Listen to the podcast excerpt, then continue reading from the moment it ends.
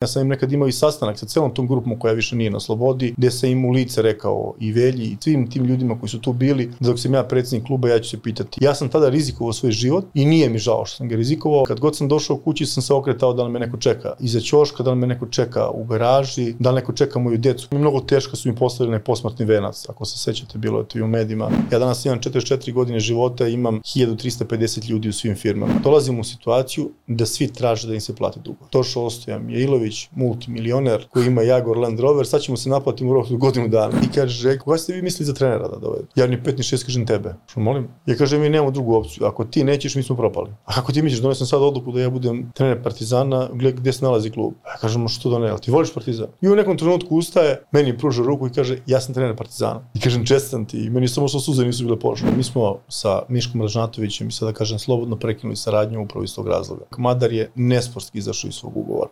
Kako kreću problemi sa Madarom i Partizanom baš kada njega uzima Beobasket? Sad će mi neko da bi se to slučajnost i da mi se kune u vernost. Pa ne mora mi se kune u vernost. Ta agencija Partizana uzela na milione eura za 30 godina rada sa Partizanom. Ja nikad u životu to nisam imao. To je nemoralno pre svega. To je jako loše. To, to rade loši ljudi. Znači ti ljudi koji pričaju, ne znam da je to oko Sokolovo. Da li sam ja limar, da li sam ja peder, da li sam ja narkodiler i tako dalje. Pa nisu oni džabe u situaciji u kojoj se nalazi. Klub je prošle godine imao preko 5 miliona eura prihoda od karata. I to je klub koji sam ja sanjao od 2017. godine. Ako tražite jednostavan i pristupačan način da vršite međunarodna plaćanja, Payoneer ima rešenje za vas. Payoneer je vodeća globalna platforma za međunarodna plaćanja koja sarađuje sa freelancerima, startupima, malim i srednjim preduzećima, online tržištima i kompanijama u cilju rešavanja njihovih najvećih problema vezanih za proces plaćanja. Potreban ti je poslovni račun u inostranstvu, u samo nekoliko klikova Payoneer ti daje rešenje za to. Bez obzira da li se nalaze u Americi, Evropi ili Aziji, klijenti ti veoma brzo mogu platiti lokalnim bankovnim transferom i to u valuti koja njima najviše odgovara. Zaboravi na beskrenu papirologiju i uz brzu online registraciju otvori račun u regionu gde su i tvoji klijenti. Radi globalno, plaće lokalno. Uz Payoneer kreni odmah, registruj se na linku koji se nalazi u opisu ovog podcasta. Naučite kako da programirate, kreirate sajtove, razvijate iOS i Android aplikacije i steknete znanje i veštine sa koje možete startovati uspešnu IT karijeru. Trenutno je u toku velika akcija 20% popusta na sve obuke na Quantox Akademiji uz promo kod Biznis Priče. Nastava se odvija online uz konstantnu podršku stručnih predavača i trajni pristup materijalima u bilo koje vreme. Popunite prijavu koja se nalazi ispod podcasta i u napomenu unesite kod Biznis Priče. Sve obuke počinju u oktobru. Neko skaliranje, dalje, dalje neki ono level up. Ako ćemo da krenemo za to. Apsolutno, da, da, da. Učite iz grešaka. Biznis priče. Dobrodošli u novu sezonu najgledanijeg biznis podcasta u regionu. Ja sam vaš domaćin Vladimir Stanković. Danas sa nama Ostoja Mijajlović, direktor i osnivač OMR grupe i direktor košarkaškog kluba Partizan. Ostoja, dobrodošao u biznis priče. Hvala na pozivu i u startu ovako da vas ispravim. Ja sam predsednik kompanije OMR-a i predsednik Partizana, nisam direktor, tako da čisto mala prijateljska korekcija. Uvek, uvek dobrodošla. Pa da krenemo od onih sportskih i nadmetanja i nadjemak gde tvoji sportski konkurenti uvek koriste priliku da te nazovu Ostoja Limar pa da objasnim u samom startu šta to znači, odakle se vuče taj nadimak. Pa evo do 2017. godine do mog dolaska u Partizan svi su me zvali i oslovljavali imenom i prezimenom, a dolaskom u Partizan sam dobio razno razne nadimke kao Limar, narkodiler, seljak iz Čačka i ne znam nija više tih nadimaka ne mogu da se setim iskreno, a i u prvo vreme su mi zaista i smetali, a i ljudi koji su mi takve nadimke, da kažem, kačili su i pogađali u metu u tom startu, zato što kad uđete u taj neki javni život u startu, vam takvi nadimci ne odgovaraju, ne, niste ih, prosto, prosto niste navikli na takve stvari, a kasnije jednostavno žele da se prihvati takve stvari, to vam postane smešno. A kako je došlo do priče Limar, tu su malo pogrešili, u startu su pogrešili, dakle, 98. godine, Uh, u junu sam završio srednju školu, čak tad nisam ni bio upisao fakultet, u septembru sam otišao u vojsku, dakle,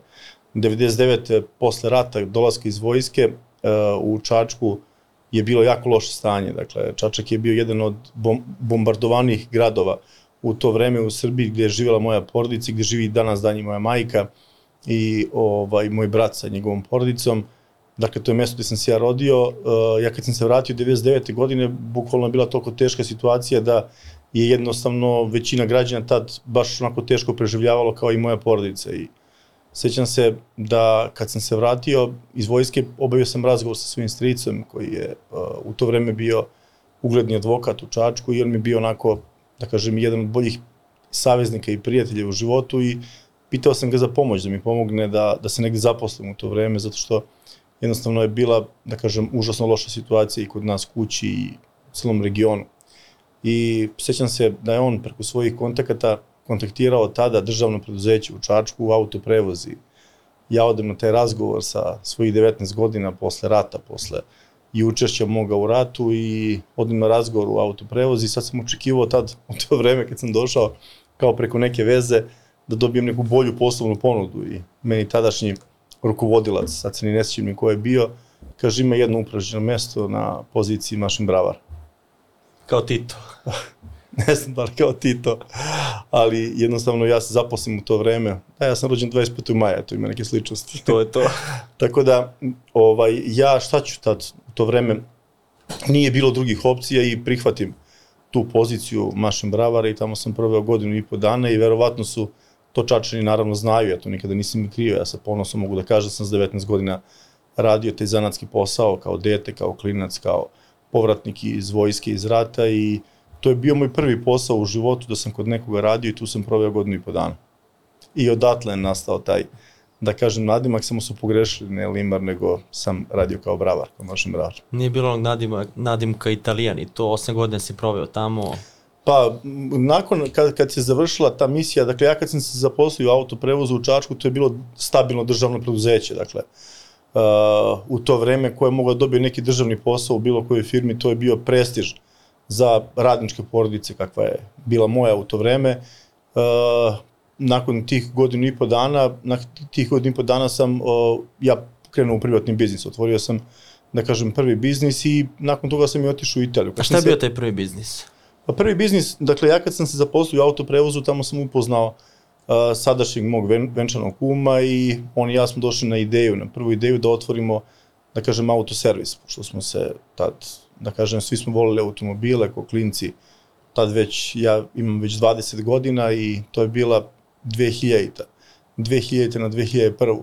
Dakle, on i ja zajedno osnivamo po 50% udela u firmi, osnivamo prvu da kažem, trgovačku i zanatsku radnju i to je bio mali autoservis u Mrčevicima kod Čačka. A Mrčevici kod Čačka su rodno mesto moje majke i tamo sam imao određene kontakte i tu smo započeli prvi svoj posao. Otvaramo prvi, da kažem, mali autoservis i sve vreme radimo u autoprevozu u Čačku da bi, mogli da, da bi mogla ta firma da u startu preživi. Dakle, to su bila jako teška vremena, ali tad u to vreme mi nismo znali da su bila dobre vremena za, za autobiznis. Dakle, uh, u to vreme je, da kažem, su većina naših korisnika, naših građana su vozili stare automobile. Da kažem, većina ljudi je ovde vozila Juga, Zastavu 101, Floridu, taj zastavim program i tako dalje i ta neka ekspanzija u svetu automobila i dobra prodaja kreće od te 2000. godine pa na ovamo. I mislim da je ključna stvar u životu i pogoditi i trenutak, a ne, ne samo posao kojim ćete da se bavite. I mi otvaramo taj autoservis i krećemo da radimo. Ja sam odmah nakon toga, kažem, ovo je isto interesantna priča, pošto ja nisam imao novac da startujem u biznisu, jednostavno plata je bila dovoljna da pokrije troškove života. Ja sam se oženio u 22. godini, u 23. godini sam dobio svog prvog sina i ja sam tada i planirao kad sam, da kažem, osnovao taj, to je svoj prvi, prvu firmu ili autoservis, kao god se to zvalo, ovaj, ja sam otišao kod moje majke da porazgovaram s njom, pošto je majka kažem, i danas dan je jedan od mojih najvećih prijatelja u životu, prvo majka, onda i prijatelj, i ja sam da poželim majici da mi treba novac da započnem posao sa tadašnjim prijateljem, tad mi nije Nije bio kum. kum. Nije bio kum. I ja dođem kod nje i ona kaže, vidi, ja imam neku šteđevinu koju čuvam, ali jednostavno ne smem da, da to potrošim zato što imam vas troje. Ti si mi podnako važan kao tvoj brat i tvoja sestra i ajde da potražimo da uzmemo neki kredit. U to vreme kredita nije bukvalno ni bilo i ja preko nekih svojih kontakata se raspitam u to vreme. Kontakata je bilo jako malo. Imao sam, da kažem, na nekim pozicijama dva, tri prijatelja, poznanika u životu, tako da ih nazovem i nađemo, da kažem, tada neku, to čak nije ni bila banka, to je možda bio kao neki udruženi fond ili neka, neka, neki agrofond i moja majka uzme poljoprivredni kredit u to vreme, tad su još uvijek bile marke, uzme kredit 800 maraka i to je bio prvi moj, da kažem, novac koji sam ja krenuo da radim. ja sam u tu firmu uneo 800 maraka, toliko je uneo i tadašnji moj prijatelj s kojim sam ja počeo posao da radim i dobro se sećam da smo mi nakon 12 meseci vratili 1700 maraka. Znači kamata je bila više nego duplo za godinu dana. Ovaj, koliko Gore nego kod zelenaša. Pa u to vreme niko nije zajmio novac i čak nisu zajmi zelenaša, u to vreme nismo ni poznavali. Ali smo bili poprilično uporni i puno smo radili, dakle i u državnom preduzeću i u tom autoservisu i A šta su ti bile ambicije tada? Šta napravit ću taj... Pa ja kad, Rad- sam, ja kad sam došao, ja kad sam došao iz vojske, prvo, da kažem, mene u vojsci zatekao rat. Ja sam bio u graničnim jedinicama vojske Jugoslavije u to vreme i da kažem, baš sam, baš sam loše prošao u vojsci, bio sam na prvoj borbenoj liniji. Na Kosovu kažem, si bio. Na Kosovu, da, i kad sam se vratio, to je bilo prvo stresno za moju porodicu, stresno je bilo za mene, ali nije bilo vremena za gubljenje. Dakle, ja nisam imao nikakvu pauzu, ja sam došao od 99. godine iz vojske, ja sam z- zasnovao radni odnos u autoprevozu u oktobru 99. godine, dakle, mesec dana sam odmarao, zato što jednostavno sam morao da počnem da radim, jer nisam imali od čega da živimo, bukvalno. Moje ambicije su bile, uh, u to vreme, u to vreme moji dometi su bili, uh, bila, bili su da se merim sa ljudima koji, s kojima sam ja odrastao, ljudi iz mog kraja. Da nađem stabilan posao, da zasnujem porodicu, da dobijem decu, bio da se borim kroz život, da ali sam znao, ali sam znao, ali sam znao uh, odmah nakon toga da ću da, da, da uspem u poslu i u, i, i u životu. Znao sam, bio sam potpuno siguran, jer sam se borio i ja sam shvatio da znam da radim posao. U to vreme, u mestu gde sam ja rođen, su štrčali ljudi koji su bili na političkim pozicijama. Dakle, to je još uvek vreme one, onog starog sistema, da kažem, pre dolaska demo, da kažem, demokratije u Srbiju i tu su ljudi koji su bili na položajima, bili u državnim preduzećima i ne znam, nije u vojsci, u policiji su bili otprilike ljudi koji su bili najuticajniji i najmoćniji. Mi ne samo da zaboravimo da je uh, Srbija doživela, je, kažem, ekspanziju ekonomiji od 2000. godine na ovamo. Od 90. godine do 2000. godine Srbija imala jako malo privatnih preduzeća i industrija u Srbiji, privatna industrija, nije bila ono što je danas bila. Tako da, kažem, privatni biznis je krenuo od 2000. godine pa na ovamo da se razvija u, u velikoj meri, to, to, to, to znate i vi. I nije bilo puno ljudi, da kažem, koji su se isticali u biznisu. Druga stvar, tada biznis nije bio ni sličan ovome danas. Nije se radilo toliko preko banaka, puno je se radilo, ajde da kažem kako naš narod kaže na crno, puno je toga bilo nesistematski uređeno i tako dalje. Jako je se bilo teško snaći u tom sistemu. I ono posle ratno stanje je, Čačak je bio jedan od gradova koji je, da kažem, bio poznat po, opšti poznat po kriminalu. Visoka stopa kriminala je tad bilo u Čačku, tako da je bilo iz više aspekata teško da se čovjek probije na, na, na, na tom tržištu. Ali ja sam bio toliko uporan u to vreme i sećam se dobro, to je isto zanimljiva priča, gde tadašnji moj partner, sadašnji kum, posle 6-7 meseci uh, je napustio naš zajednički biznis, jer smo mi neki novac zaradili, stvorili smo neki biznis, kupovali smo automobile, prodavali, popravili automobile, otišao je, uzeo svoj novac i otišao za Nemačku da radi. Tako da ja sam onda ostao sam, pa se moj brat koji je tada imao 16-17 godina zaposlio kod mene i to je bio moj prvi radnik. I tako smo počeli da radimo, da razvijemo tu firmu i mislim da sam pravi potez učinio. U to vreme nije moglo, nije moglo da se dobije, da kažem, nikakva inostrana viza. Srbija je bila pod, pod, pod sankcijama posle rata, posle vladavine Slobodana Miloševića, da kažem, situacija je bila malo mekša od 2000. godine na ovamo i ja sam uh, preko nekih prijatelja izvedio vizu kao da sam kamionđija, kao da vozim kamion. To je bio način da dobijete tada vizu u to vreme. Izvedio sam italijansku vizu i krenuo sam da idem za Italiju. I to je, da kažem, bila prekretnica u mom poslovnom životu kad sam krenuo 2000, to je bila već 2002. godina, ja sam prvi put otišao u Italiju tada, ali u to vreme sam jako slabo govorio engleski jezik i italijanski nisam znao. Možda sam znao tri reči, bilo mi je jako teško da se snađem. Ali sam imao puno sreće kad sam otišao, da kažem, te godine u Italiju, ja sam gotovo imao 23 godine.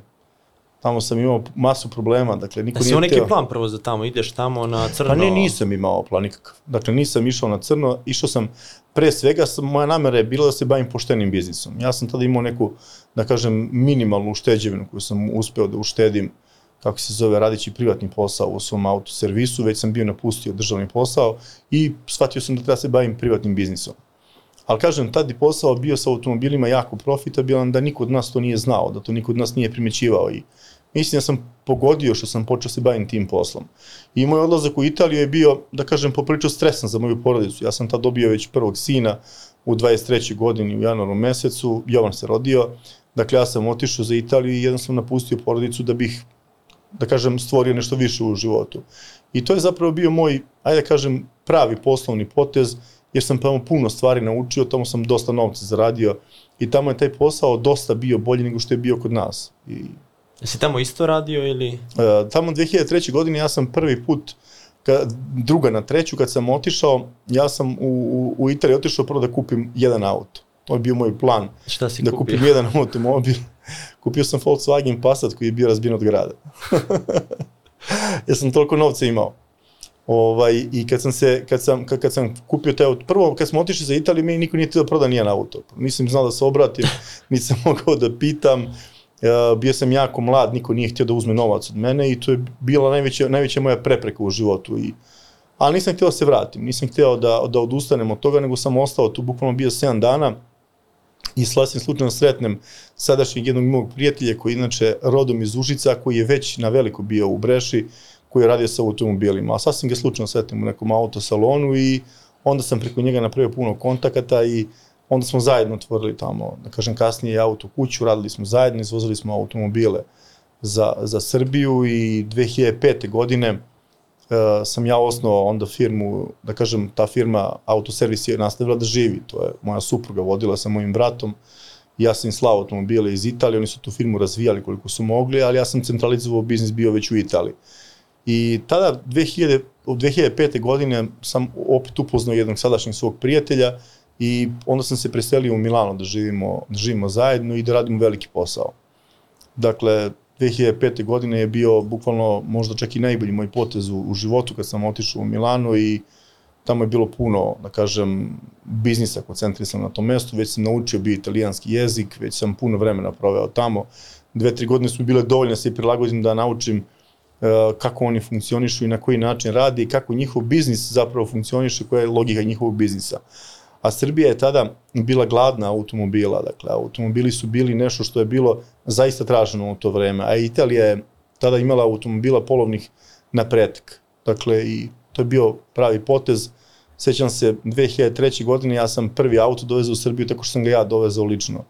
Kako se zove, otišao sam sa prijateljom za Italiju, a vratio sam se tim automobilom. Pa kasnije smo počeli da tovarimo uh, kamione po 10 automobila, a onda već 2005. 6. godine smo prodavali po 300, 400 i 500 automobila mesečno. A kakva je bila poslovna klima tada u Italiji? Došao si iz Srbije Pa tamo? Italija, Italija tada je Berlusconi bio na vlasti. U Italiji to su godine koje su bile jako dobre za italijansku ekonomiju i Italija u odnosu na Srbiju koju je zadesio rat tada u to vreme i te postratni periodi smena politike i dolazak jednog novog sistema i tako dalje, je za razliku od Srbije u to vreme Italija je bila jako, da kažem, da kažem plodno tle za napraviti novac.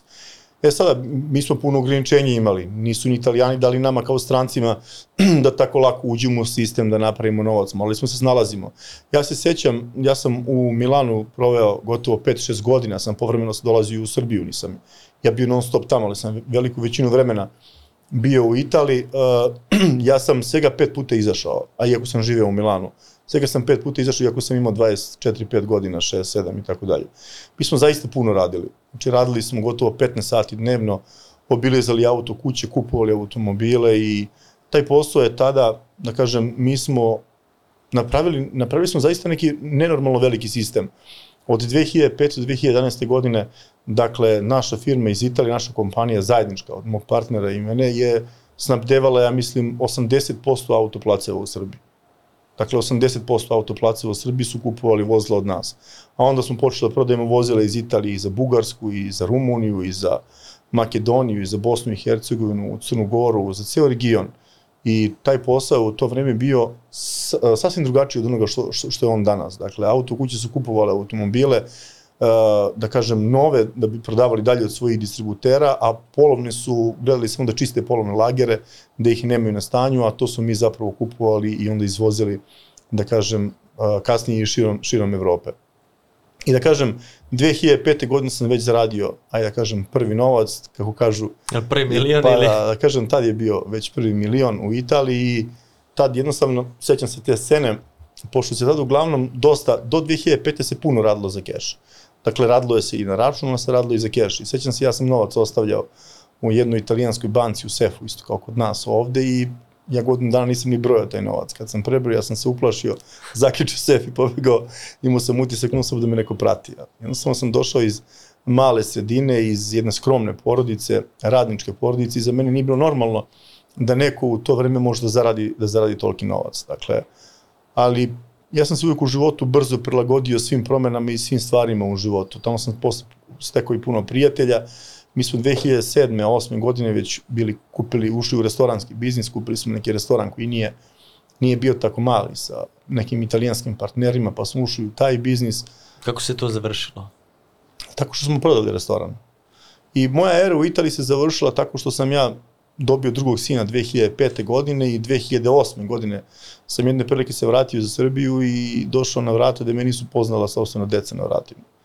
Tako da sam tad shvatio da jednostavno moram da se vratim za Srbiju i 2011. godine sam doneo odluku da sam bukvalno uh, sve prodao što sam imao tamo i da sam novac koncentrisao u Srbiju, ali sam uh, dobro postupio jer sam sve vreme razvio i firmu u Srbiji. Dakle, moja porodica je vodila firmu u Srbiji, mi smo... To je servis ili? Ne, to je već bili prodaje automobila. 2007. godine mi smo imali jedan od najvećih placeva u Srbiji, jer naravno ja kao da kažem, veliki izvoznik u to vreme automobila iz Italije sam imao uvek, i svoj plac. Pa imao i svoj plac, uvek sam bio na izvoru, da kažem, dobrih automobila i jednostavno, kako vam kažem, e, dobra je stvar što je moja familija, moja porodica, moji školski drugovi koji rade, ja u svom selu u Prislovnici, dakle sam rođen, gde je kasnije taj servis Mrčevaca prebačen u Prislovnicu 2004. godine, sam zaposlio puno svojih školskih drugova i drugova iz detinjstva koji danas, danas rade u toj istoj firmi u Čačku, u Prislovnici.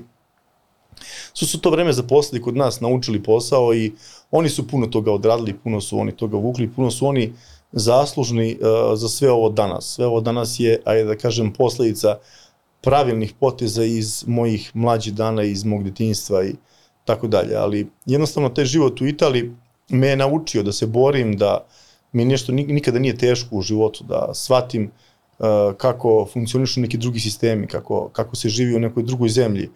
Nije tad život ni u Italiji ni bio, ni bio tako lak. Dakle, Italija je prošla turbulentna vremena sa razno raznim političkim ratolomijama i italijani su u biznisu poprilično surov narod i narod koji jako dobro zna posao i jako malo prostora imate. Ako ne znate da radite, neće ništa da zaradite, neće A koji ništa si probleme da tamo imao? U biznisu? Pa, realno, koji su problemi bili? Problemi su bili da napravimo kontakte, da steknemo poverenje uh, tih, da kažem, direktora po autokućama, kako ćemo da im priđemo, kako da nam veruju, kako od njih da kupujemo automobile, zašto bi baš nama prodali, kad je tu bila, da kažem, tu su bili prisutni svi, da kažem, uh, svi ljudi koji se bavili automobilima iz cele, iz cele Evrope, Italija je bila kao što i danas jedna dobra zemlja za, za izvoz automobila. Tako da, bilo je puno problema. Kako ćete da naučite, kako ćete da naučite da iz Milana odete u, ne znam nija, u Rim, pa da dole napravite posao. Napraviti sistem u tuđoj zemlji bez sistema, prethodnog i bez velikog iskustva je sa današnje, današnje tače gledište naučna fantastika. Zaista naučna fantastika, ali ja kažem, naporan rad i, i upornost u životu se uvek isplati. Ja sada kada pomislim na to vreme i šta su mi sve uradili, šta su mi sve stvorili, zaista se čini nemogućim. I ljudi koji će gledati ovu emisiju, možda će velika većina reći, uh, sebi pitanje da li je to moguće, da je to tačno kada bi sebe zamislili u toj poziciji, ali jednostavno to je apsolutno tačno i ja se sećam tog svog početka kad sam otišao u Milano 2005. godine, meni je Breša nekako mnogo više odgovarala uh, jer je poljoprivredni grad i industrijski grad i to je grad u kome sam se ja lakše snašao, zato što nije bio veliki grad. Ja sam odrastao u Čačku, ja u to vreme nisam živio u Beogradu. Ja kad sam otišao u Milano, ja sam u 25. godini bukvalno počeo da plačem, to ne gužu. Nisam mogao da se snađem, nisam mogao da nađem gde ću da pređem neku dugačku ulicu, velik široku ulicu. vratite mu Čačak. pa bukvalno je tako bilo. Tad mi je bilo jako teško i tu sam se jako teško prilagodio, ali ovaj, sam našao put neki, eto, Bogu hvala, ja mislim da čovjek mora da ima i sreće se zaslužuje u životu, ali čovjek mora da ima i sreću u životu da bi uspeo u onome što radi. I mislim da mi jako puno pomoglo jer sam dobio decu mladu. Dakle, imao sam razlog za koga ću da živim, imao sam razlog za koga ću da radim, je bi bilo veliko pitanje da sam ja napravio toliki novac u 25. 6. godini da nisam imao decu za sebe. Vi znate koliko ljudi danas napravi novac u životu, ili rekli smo da ćemo biti na ti, ti znaš koliko ovaj, ljudi napravi novac u životu, zaradi, nije bitno da li zaradi 1, 2 ili 3, 5 miliona ili 100 hiljada uopšte i shvati da više ne mora da radi i misli da je završio sve u životu. Dakle, to je samo početak tereta koji ćeš da nosiš u životu. Početak tereta i početak, pro, početak problema u životu. Znači, dakle, ne, ne postoji posao gde ćete da a, sad dođete na neki nivo i kažete sada je meni dosta i znači postoje dve opcije u životu, da non stop rastete u poslu ili da iz posla izađete i da stavite novac u neki fond ili u neku investiciju koja će tamo vraćati skorije. Da izlaziš. ja nisam želeo, sam voleo da radim. Dakle, meni ispunjava da radim, ja volim da idem na posao, ja sam i u to vreme, kažem, puno radio i mislim da je jedan od ključnih faktora i moja upornost. Dakle, što sam došao do, do, do onoga gde se danas nalazim. I 2011. godine, ja sam i ranije teo da se vratim iz Italije, ali nisam sam mogu da napustim sve te stvari koje sam tamo počeo da radim, sve te neke kontakte koje sam imao. Bilo mi je jako teško čak i da napustim Italiju i da se vratim iz Italije u to vreme, zato što sam navikao na taj način života. Navikao sam bio na taj nekako nomadski život, čini mi se, da odlazim, da se vraćam i nisam mogao lako, lako da prihvatim to. I 2011. godine sam konačno završio da kažem, sa Italijom, uh, izašao sam iz uh, tog posla iz Italije i onda sam se vratio za Čačak. Koliko si prodao to ako si prodao tamo? Znaš cifru? Pa puno je toga bilo. Ne da govorim, pošto je velike cifre bilo. I vraćaš se u Srbiju? Pa dobro, nisam ja sve to prodao tamo, dakle, ja sam puno, puno, puno sam novca tada u to vreme zaradio radeći biznis u to vreme. Dakle, mi smo puno automobila, mi smo po 5-6 hiljada automobila u to vreme prodavali. Dakle, sad vi zamislite da danas Srbija uveze 30.000 automobila, cela Srbija novih automobila, a mi smo u to vreme između 5 i 6 hiljada automobila godišnje prodavali. Dakle, to su bile jako velike brojke i to je trajalo puno godina. Dakle, 2011. godine, kad sam doneo odluku i kad sam se vratio u Srbiju, ja sam se zapravo vratio za Čačak. I to mi je bio jedan od težih trenutaka u životu. Dakle, jednostavno nisam posle mogu se naviknuti na mali grad, na malu sredinu. Nisam znao gde ću sa sobom. Nisam znao kako ću da, da funkcionišem i da kažem, mi smo tu firmu imali, koju smo imali tada u Čačku, ja sam počeo da vodim tu firmu i shvatio sam da moram da idem negde. Dakle, to je najporemeće života kada čovjek provede puno vremena, da kažem, van svoga mesta, van svoje kuće i ja sam tada u to vreme porodicu ostavio u Čačku, ja sam se preselio za Beograd. I tako je nastao British Motors. E sad, Sadašnji Jaguar Land Rover. Neko bi rekao, u Italiji si tolike godine, neki italijanski brend da si doveo, kako, kako British sada, Land Rover, Jaguar, Pa nije, to? nije moja ideja bila da, da, ja, da, da ja dobijem Jaguar Land Rover. Dakle, kad sam dobio Jaguar Land Rover, ja sam tad imao 35 godina. A kako si dobio to? Pa sad ću, sad ću da ispričam to. Dakle, ja kad sam sve tu u Italiji, ajde da kažem, prodao, kad sam novac povukao za Srbiju, dakle, moja ideja je bila da u Beogradu napravim po uzoru na Italiju auto kuću koja će imati primim luksuzne automobile. Dakle, da imamo automobile koje nema niko u Srbiji. I tad sam napravio, to nije bio British Motors, to je bila Bavaria Motors. Ja sam 2012. godine kupio lokaciju na sadašnjoj lokaciji na Zrenjanskom putu uh, gde je sada British Motors i napravio sam, ja mislim, tada i sada je to jedan od najlepših salona u Srbiji, to tada, da kažem, nije bio Jaguar Land Rover. 2013. godine sam napravio Bavariju Motors i uvezao sam opet iz Italije preko svojih kontakata, znači u to vreme najbolje automobile u Srbiji ovde apsolutno u regionu. I to je bio 2013. godine, da kažem, premium uh, centar za polovna vozila, malo korišćenja vozila, najluksuzni klasa. A šta su to bilo? Koja kola? Pa bili su Porsche, bili su BMW, bili su Ferrari, sve, svašta živo. Dakle, svi mogući brendovi, bilo i Land Rovera to, u to vreme i tako dalje. Pa bilo je, dakle, bilo je, bili su sve, ali su, su bili su, super premium automobili i to je bio moj, da kažem, moj, uh, moje razmišljanje u to vreme, jer tad u to vreme nije ni danas lako dobiti Danas svi misle lako je dobiti da budete importer ili zastupnik nekog brenda ili dealer nekog brenda. Jednostavno to nije lako. Ja sam uvek, mi smo, da kažem, moja ljubav iz etinstva je bio zapravo BMW.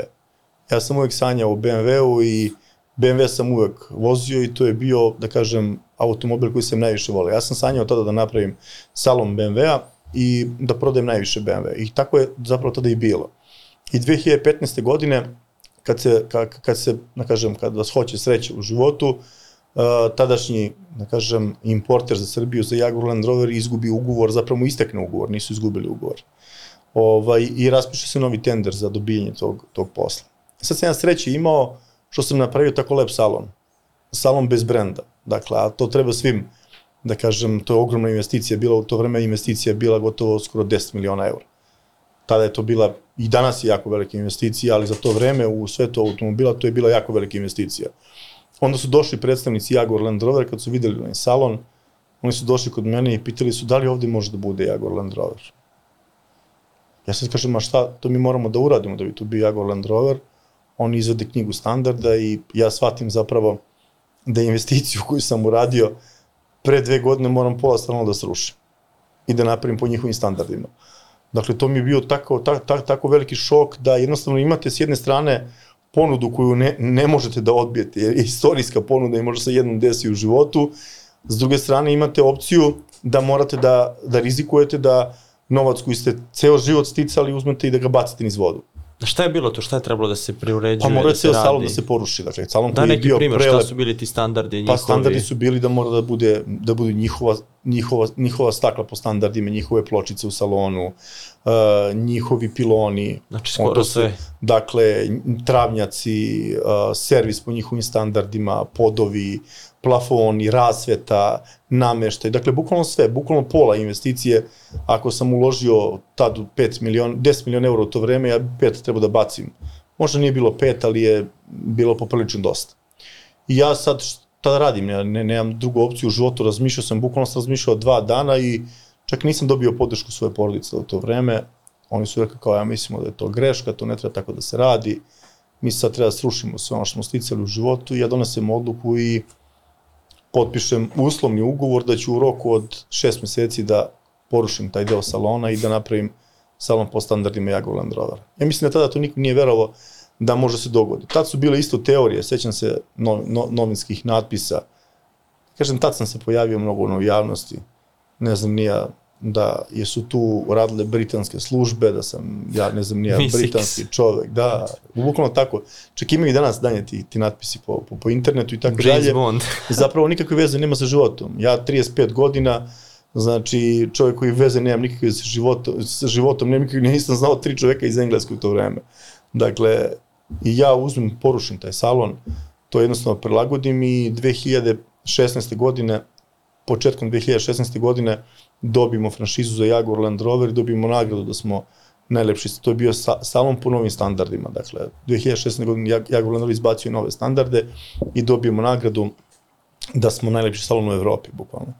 I da kažem, u Srbiji je to početak jednog velikog biznisa koji sam ja, e, kažem, postavio i 2016. godine krećemo da radimo taj posao i rezultate koje smo mi već napravili prve godine su bili da smo pet puta više prodali Range Rovera nego prethodni uh, dealer, odnosno importer prethodne godine u Srbiji, već gotovo 2017. godine. I tako je se to izdešavalo i mislim da je bio, zapravo ne mislim, nego znam danas da je to bio da kažem, pravilan potez i da se sad vratim unazad, ponovo bi sve isto uradio. U si Da je skonto to da je bio pravi potez? Ma odmah sam znao da je pravi potez. Jaguar Land Rover u to vreme uh, je bio u velikoj ekspanziji, modeli su bili jako dobri i imati jedan takav brend gde ste direktni uvoznici za svoju zemlju, gde nemate ispod sebe, da kažem, drugu ruku, gde ste jedini ovlašćeni uvoznik za takav brend, sam znao da je pravi potez i ja sam, da kažem, u životu sve radio, ja sam sanjao neke druge brendove.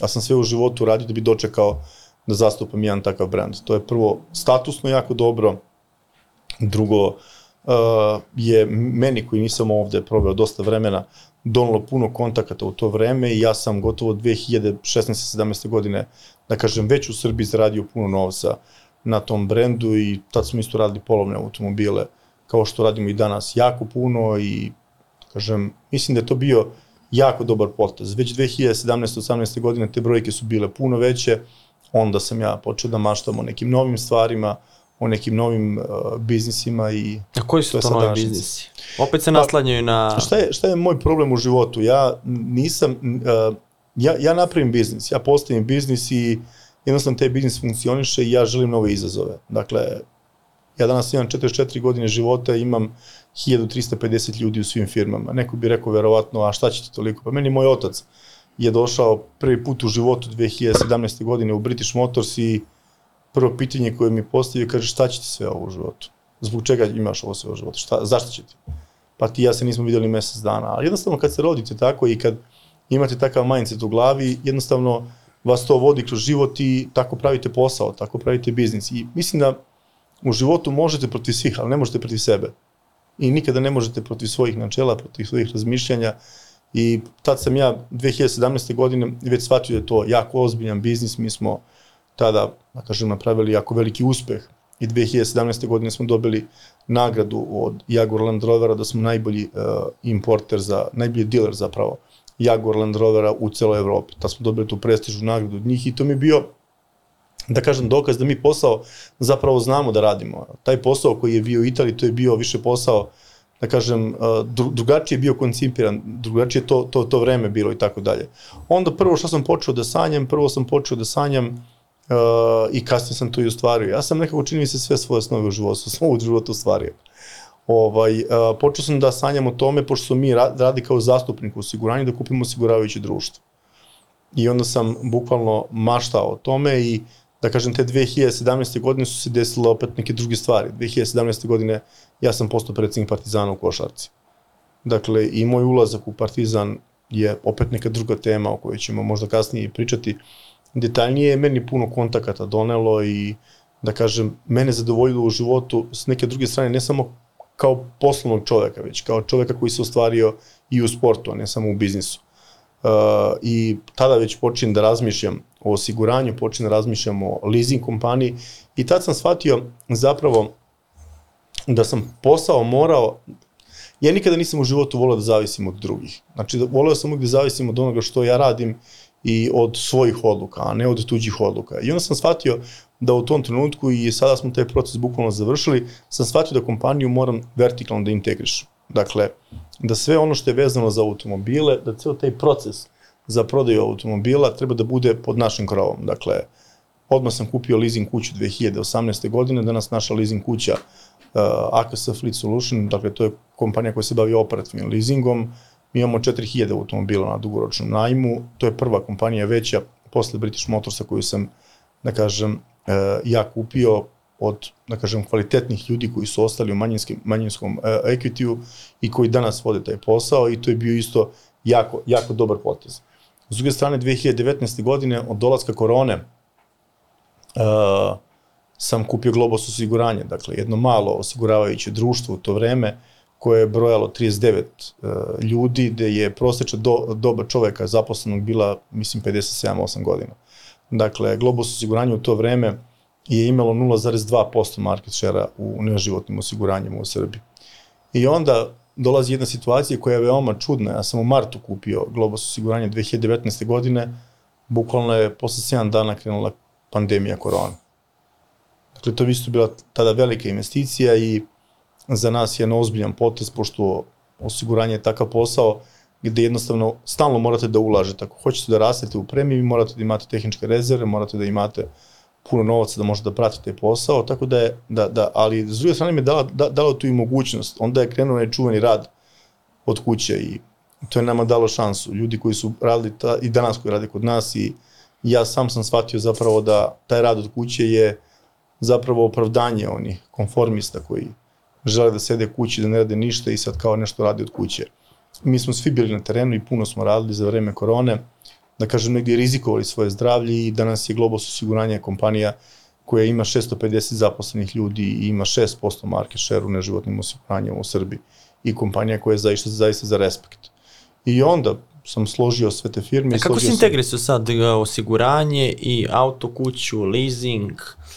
Pa nama je, nama je, nama je, nama je u, aj, to je veoma jednostavna situacija, a to u Srbiji zapravo niko nije uspeo. S njim sam ja taj posao postavio naopako. Aj kažem naopako, od pozadi. Ali kako od pozadi? Pa veoma jednostavno. Dakle, u tom poslu je substanca automobil. Dakle, da automobila sve kreće. Vi prodajete automobil. Znači, vam, vama sad post, pođite od sebe prvo. Znači, kupujete automobil. Neko treba da vam proda. Neko treba da vam uh, napravi finansiranje za taj automobil. Dakle, vi uzimate leasing. Opet uzimate leasing u našoj kompaniji koja se bavi operativnim leasingom. Dakle, kroz operativni leasing vi kupujete i celokupnu uslugu i održavanje vozila i registraciju vozila i kasko osiguranje, kupujete i servis, kupujete i uh, zamenu zimskih guma, pneumatika, znači kupujete bukvalno celokupnu uslugu. Dakle, ta vertikalna integracija podrazumeva da kada dođete vi kod nas da kupite automobil, do momenta kada hoćete da ga menjate, vi non stop dolazite kod nas. Dakle, kod nas, recimo, doći se da kupite Range Rovera, mi vam ga finansiramo. Onda ga mi osiguravamo. Mi imamo, naša kompanija jedna druga, da kažem, uh, CVS, Centar za vozila Srbije, mi imamo 32 tehnička pregleda u Srbiji po celoj Srbiji, mrežu tehničkih pregleda. Gde su dakle, osiguranja, gde su osiguranje, tako je. Gde su, gde osiguranje, pa da, Globus, naravno. I onda vi dok vozite automobil, mi imamo naše servise. Dakle, mi imamo sad gotovo četiri centra sa Podgoricom, gde sva ta vozila servisiramo. A imamo i kompaniju koja se bavi polovima automobilima. I vi nakon četiri godine dođete, vratite automobil, mi vam taj automobil otkupimo, mi opet kupite od nas novi automobil i ciklus ponovo kreće. Dakle, ja sam želeo da zaokružim, da kažem, uh, tu vertikalnu integraciju i uspeo sam da jednostavno ne moram da zavisim ni od koga u celokupnom tom procesu. Dakle, ono što je nama nedostajalo godinama, a to je taj mass brand, dakle, taj brand manjih automobila koji smo mi, da kažem, godinama pokušavali ne da budemo diler, nego da budemo uvoznici nekih automobila i konačno smo stigli do toga, da kažem, potpisivanjem ugovora i sad je to u nekom procesu, u nekoj fazi, pa ću ograničeno govoriti o tome, je li closing za nekih mesec dana. Dakle, dolaskom Fijata u, u, da kažem, u, pod naš krop, u našu kompaniju, mi smo došli u situaciju da bukvalno a, ne zavisimo ni od koga. Dakle, dostupni smo klijentima koji voze jeftine automobile, mi smo dobri za B2B i za B2C biznis, dobri smo za, da kažem, sve segmente uh, tržište da možemo da, da učestvujemo ravnopravno sa svima ostalima, s tim što mi imamo kompletnu paletu kod nas. Dakle, od automobila do usluga razno raznih. Dakle, ja sam toliko išao u detalje da smo mi i osnovali kompaniju koja se zove e, FMT, koja, e, koja se bavi ugradnjom GPS uređaja. Dakle, da bi mogli da pratimo tolike flote vozila, da bi vozila se, da kažem, bezbedno vozila, a time i štitili naše osiguranje, smo, da kažem, napravili naš GPS uređaj koji kontroliše sve ono što nas zanima na automobilu, gde jednostavno nema propusta i gde osiguranje neće biti oštećeno, gde će se automobili vraćati kvalitetniji. I mislim da smo jako dobro postavili posao, imamo jako vredne ljude u firmi. Ja sam godinama nastoji na tome da zaposlimo dosta kvalitetne kadrove. Mi u kompaniji imamo dosta ljudi koji su radili po drugim osiguravajućim društvima, po drugim autokućima, imamo puno ljudi u holdingu koji su radili u KPMG-u, koji su radili u Deloitu i imamo puno ljudi koji su završili školu, da kažem, završili su prestižnu školu, škole i u Americi i u Engleskoj, tako da smo, da kažemo, od 2017. 18. godine, kad smo krenuli da se bavimo drugim biznisima, kompanija je puno ulagala u ljude.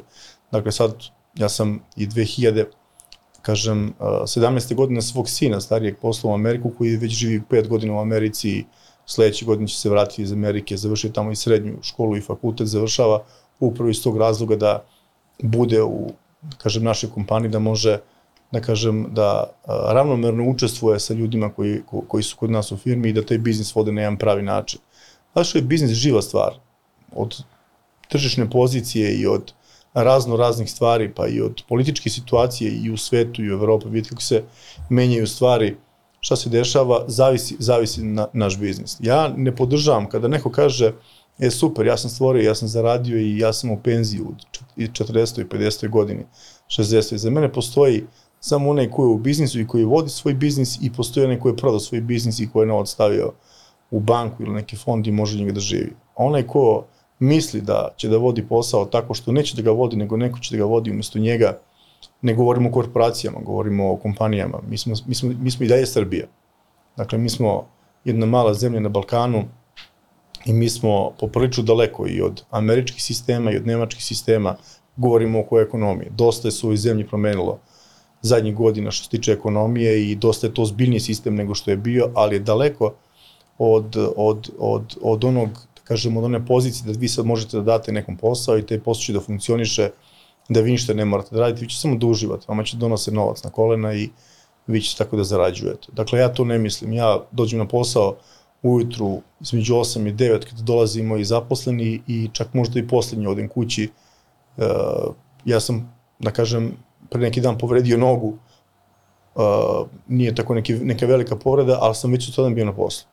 I radio sam ceo dan, kao što radim i svaki dan. Tako da mislim da je to, da je to ključna stvar u životu, se čovjek bavi svojim poslom, da konce drži u svojim rukama i da ne E, se osjećao pomisli nekada da gubiš te konce? Tolike firme si napravio, razgranao, Samo kad odem na odmor i kad se vratim.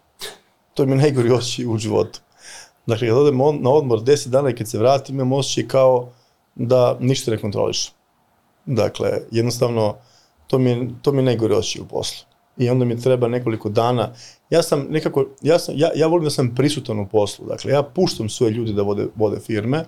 Dakle, oni imaju svoje poslovne planove, imaju KPI-eve koje ispunjavaju i ja znam da kontrolišem svoj posao. Ali jednostavno volim da sam u toku uh, dnevnih dešavanja u svojim firmama. Šta se događa, kakvi su problemi, odakle dolaze problemi, šta se događa u smislu tržišta i tako dalje. I mislim da je to jako važna stvar da bi čovjek mogao da traje. Ako nije u toku onoga što se dešava dnevno u svojoj firmi, bilo ko od nas 100% će izgubiti borbu u nekom trenutku. Znači neće ni shvatiti u kom pravcu ide njegova kompanija, kad se bude desio problem, onda će već biti kasno da bilo šta ispravlja. To su to, ja govorim za kompanije koje su u, da kažem, u tom u, u rastu. Moja kompanija je u nekom stalnom rastu, u stalnom nekim investicijama, u stalnom nekom razvoju.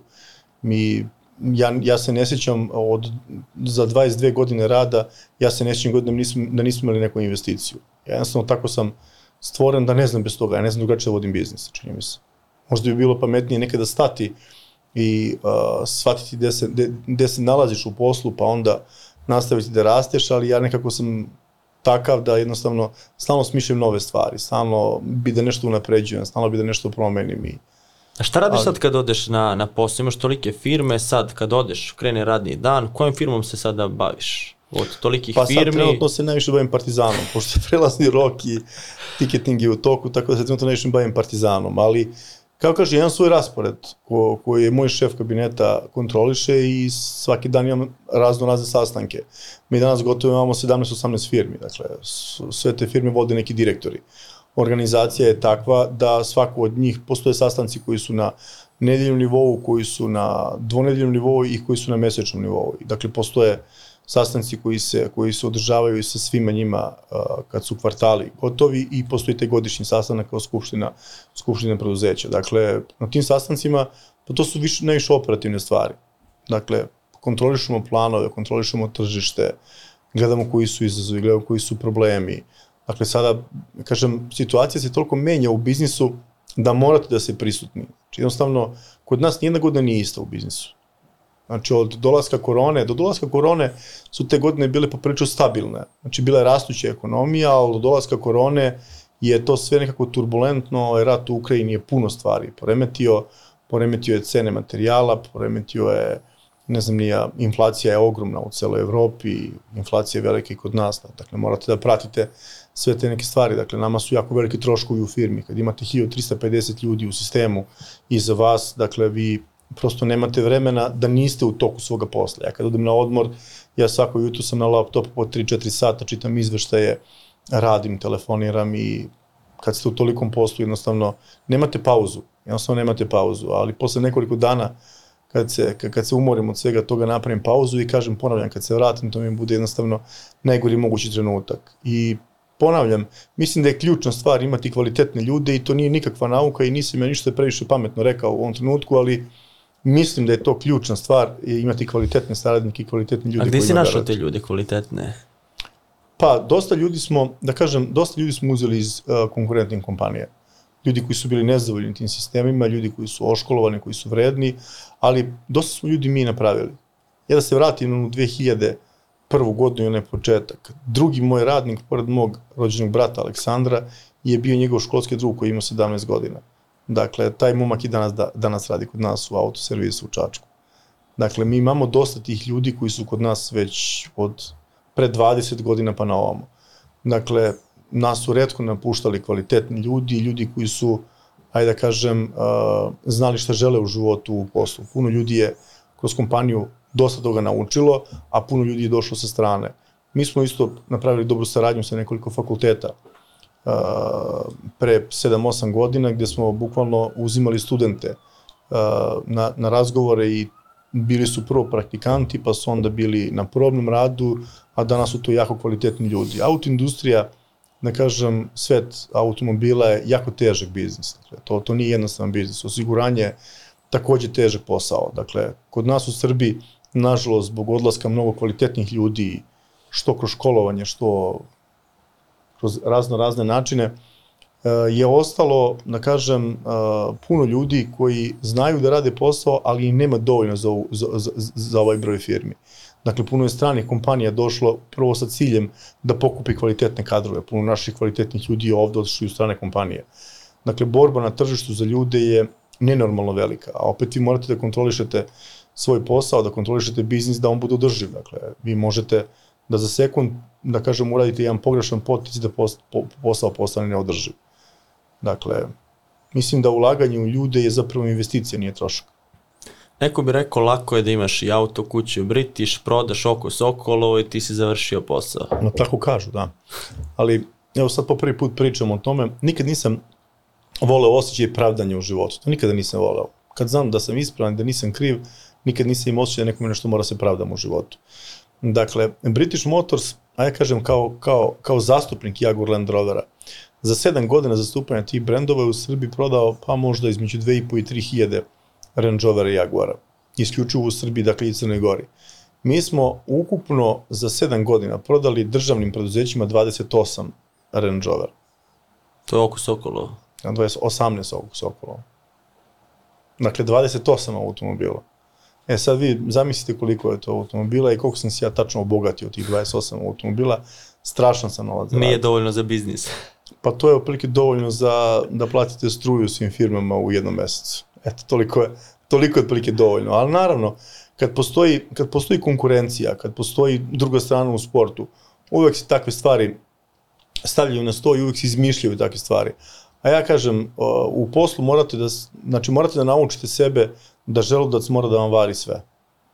Da ne postoje stvari koje vam prijaju i koje vam ne prijaju. Da biste opstali, jednostavno morate da naučite da te stvari gutate, da jednostavno živite s njima i tako dalje.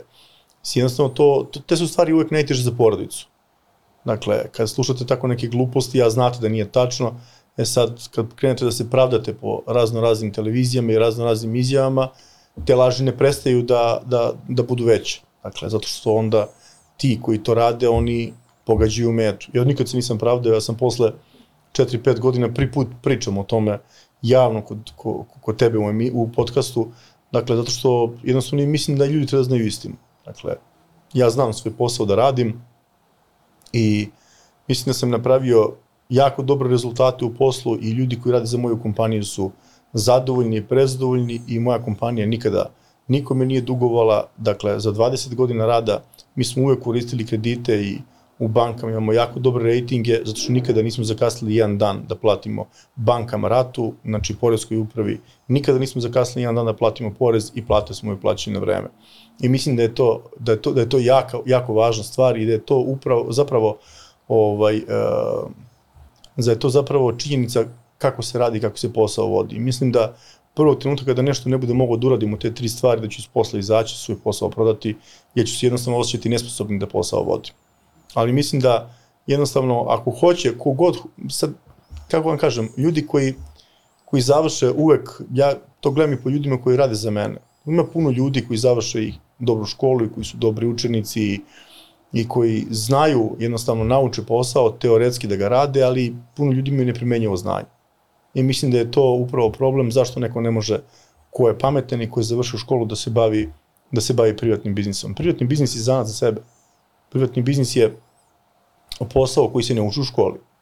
Dakle, privatni biznis je nešto što morate pre svega da imate osjećaja, morate da imate snage, morate da se pomirite, da ste nekad i žrtva u životu, nekad i pobednik, da morate puno da radite, da jednostavno rizike delite sa sobom i da sutra postoje trenuci puno primjera postoji i u biznisu gde ljudi koji su napravili ozbiljne kompanije, ozbiljne biznise su izgubili celokupan biznis i da su danas radnici nekih drugih firmi. I tu postoji rizik isto.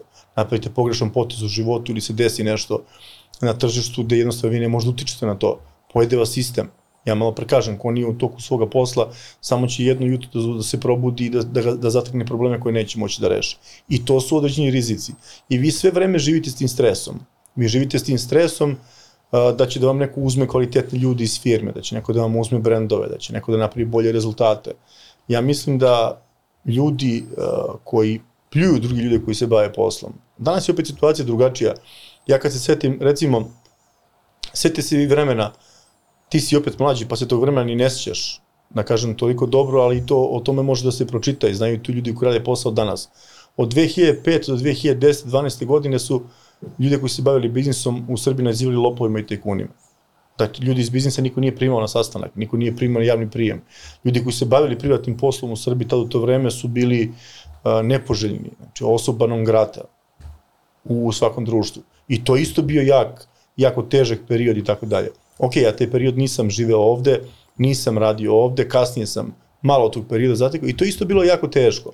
I sada kada pogledate da neko napravi od svoje male radnje, ja ne govorim sada o sebi, ja govorim o tržištu, od male radnje, od porodičnog biznisa, napravi kompaniju koja danas, ili firmu koja zapošljava 20-30 ljudi i koja traje 20-30 godina, pa tom čovjeku treba dati orden za hrabrost. Zato što to nije jednostavno. Nije jednostavno trajati. I ti si tvoju emisiju pravio, pa si krenuo od jednog pregleda, pa si došao da budeš jedan od najpopularnijih emisija i ljudi to mora da poštuju. Mora da, mora da, uvaže ono što si ti postigao u životu. Jesi to znao da uradiš? Jesi neka žrtva onoga što, što, si, što, si, što, si, što, si, što si dao da bi, da, bi, da, da bi stvorio nešto u životu. I to ljudi mora da poštuju. Dakle, ja uvek nekako imam taj lični osjećaj kada vidim ljude koji su napravili neki uspeh u životu, imam nenormalno veliko poštovanje prema njima, iako ih ne poznajem. Dakle, ja puno ljudi znam koji sarađuju sa našom kompanijom, a da ljude nikad nisam upoznao. Ja sam pre neki dan, neću govoriti o ko je čovek, ali sam s njim sarađivao od 2003. 4. godine, mi smo sa tom kompanijom koja se bavi prevozom automobila i koja je jedna od najvećih kompanija koja se bavi prevozom automobila, sarađivali 2003. 4. godine. I sarađivali smo permanentno i nikada nismo prestali s njima da sarađujemo. Ja sam vlasnik kompanije upoznao pre tri dana bukvalno, smo se prvi put sreli. I pričali smo kao da se znamo kao da smo hiljadu puta pričali zajedno. Ali pričali smo zato što jednostavno on ima jako kvalitetnu kompaniju, ja imam jako dobro mišljenje o njima i to su te stvari koje su važne u životu. Nije samo bitna stvar za raditi novac. Novac je posledice našeg rada. Novac mora da dođe ako znate da radite. Znači, ako ne znaš da radiš, novac nikad neće da dođe a novac treba da bude posledica onoga što mi uradimo. Ako smo dobar posao uradili, ako smo pošteno radili, ako smo kvalitetno radili, novac će doći na razno razne načine. Uvijek postoji način da naplatiš svoj trud i svoj rad. Ako si to nepošteno uradio, doći ti neki jednokratni novac i bez njega ćeš uvijek biti u životu. I nikada nisam poštovao ljude, to su opet neki moji stavovi koje sam i želeo da s tobom ovde podelim i sa tvojim gledalcima. Nikad nisam uh, poštovao ljude koji se po ceo dan bave nek, ne, nekim drugim i koji samo pričaju po ceo dan, ogovaraju nekoga ili se bave nekim drugim stvarima koji se ne koncentrišu na svoj posao. Zato ga ni nemaju. Ne bave se svojim poslom, nego se bave Znači, ti ljudi koji pričaju, ne znam da je to oko Sokolovo, da li sam ja limar, da li sam ja peder, da li sam ja narkodiler i tako dalje. Pa nisu oni džabe u situaciji u kojoj se nalaze. Nije se propalo džabe u životu. Pa oni ne, nemaju ništa se cijel život bave nekim Ostojom, ne, nekim Vladimirom, nekim Jankom, nekim Markom. Njima su uvijek u fokusu drugi, nikad nisu oni u fokusu. Sedi se, tvori se u svoju kancelariju, napravi sobstvene rezultate. Kad napraviš sobstvene rezultate, onda izađi, pa ako misliš da trebaš komentariše druge. Ja, da kažem, tako razmišljam i jednostavno nikad neću se promeniti da tako razmišljam. Napravi se tolike firme, neko ne može da ih nabroji, u jednom trenutku, kažem, ne možeš ni da ih nabrojiš i kako te ljudi zovu sad? Ostoja British, ostoja ovo ili kako se ti povezuješ da bi došao do trenutka da ih staviš sve pod jednu kapu i napraviš OMR? Je li to bio razlog ili...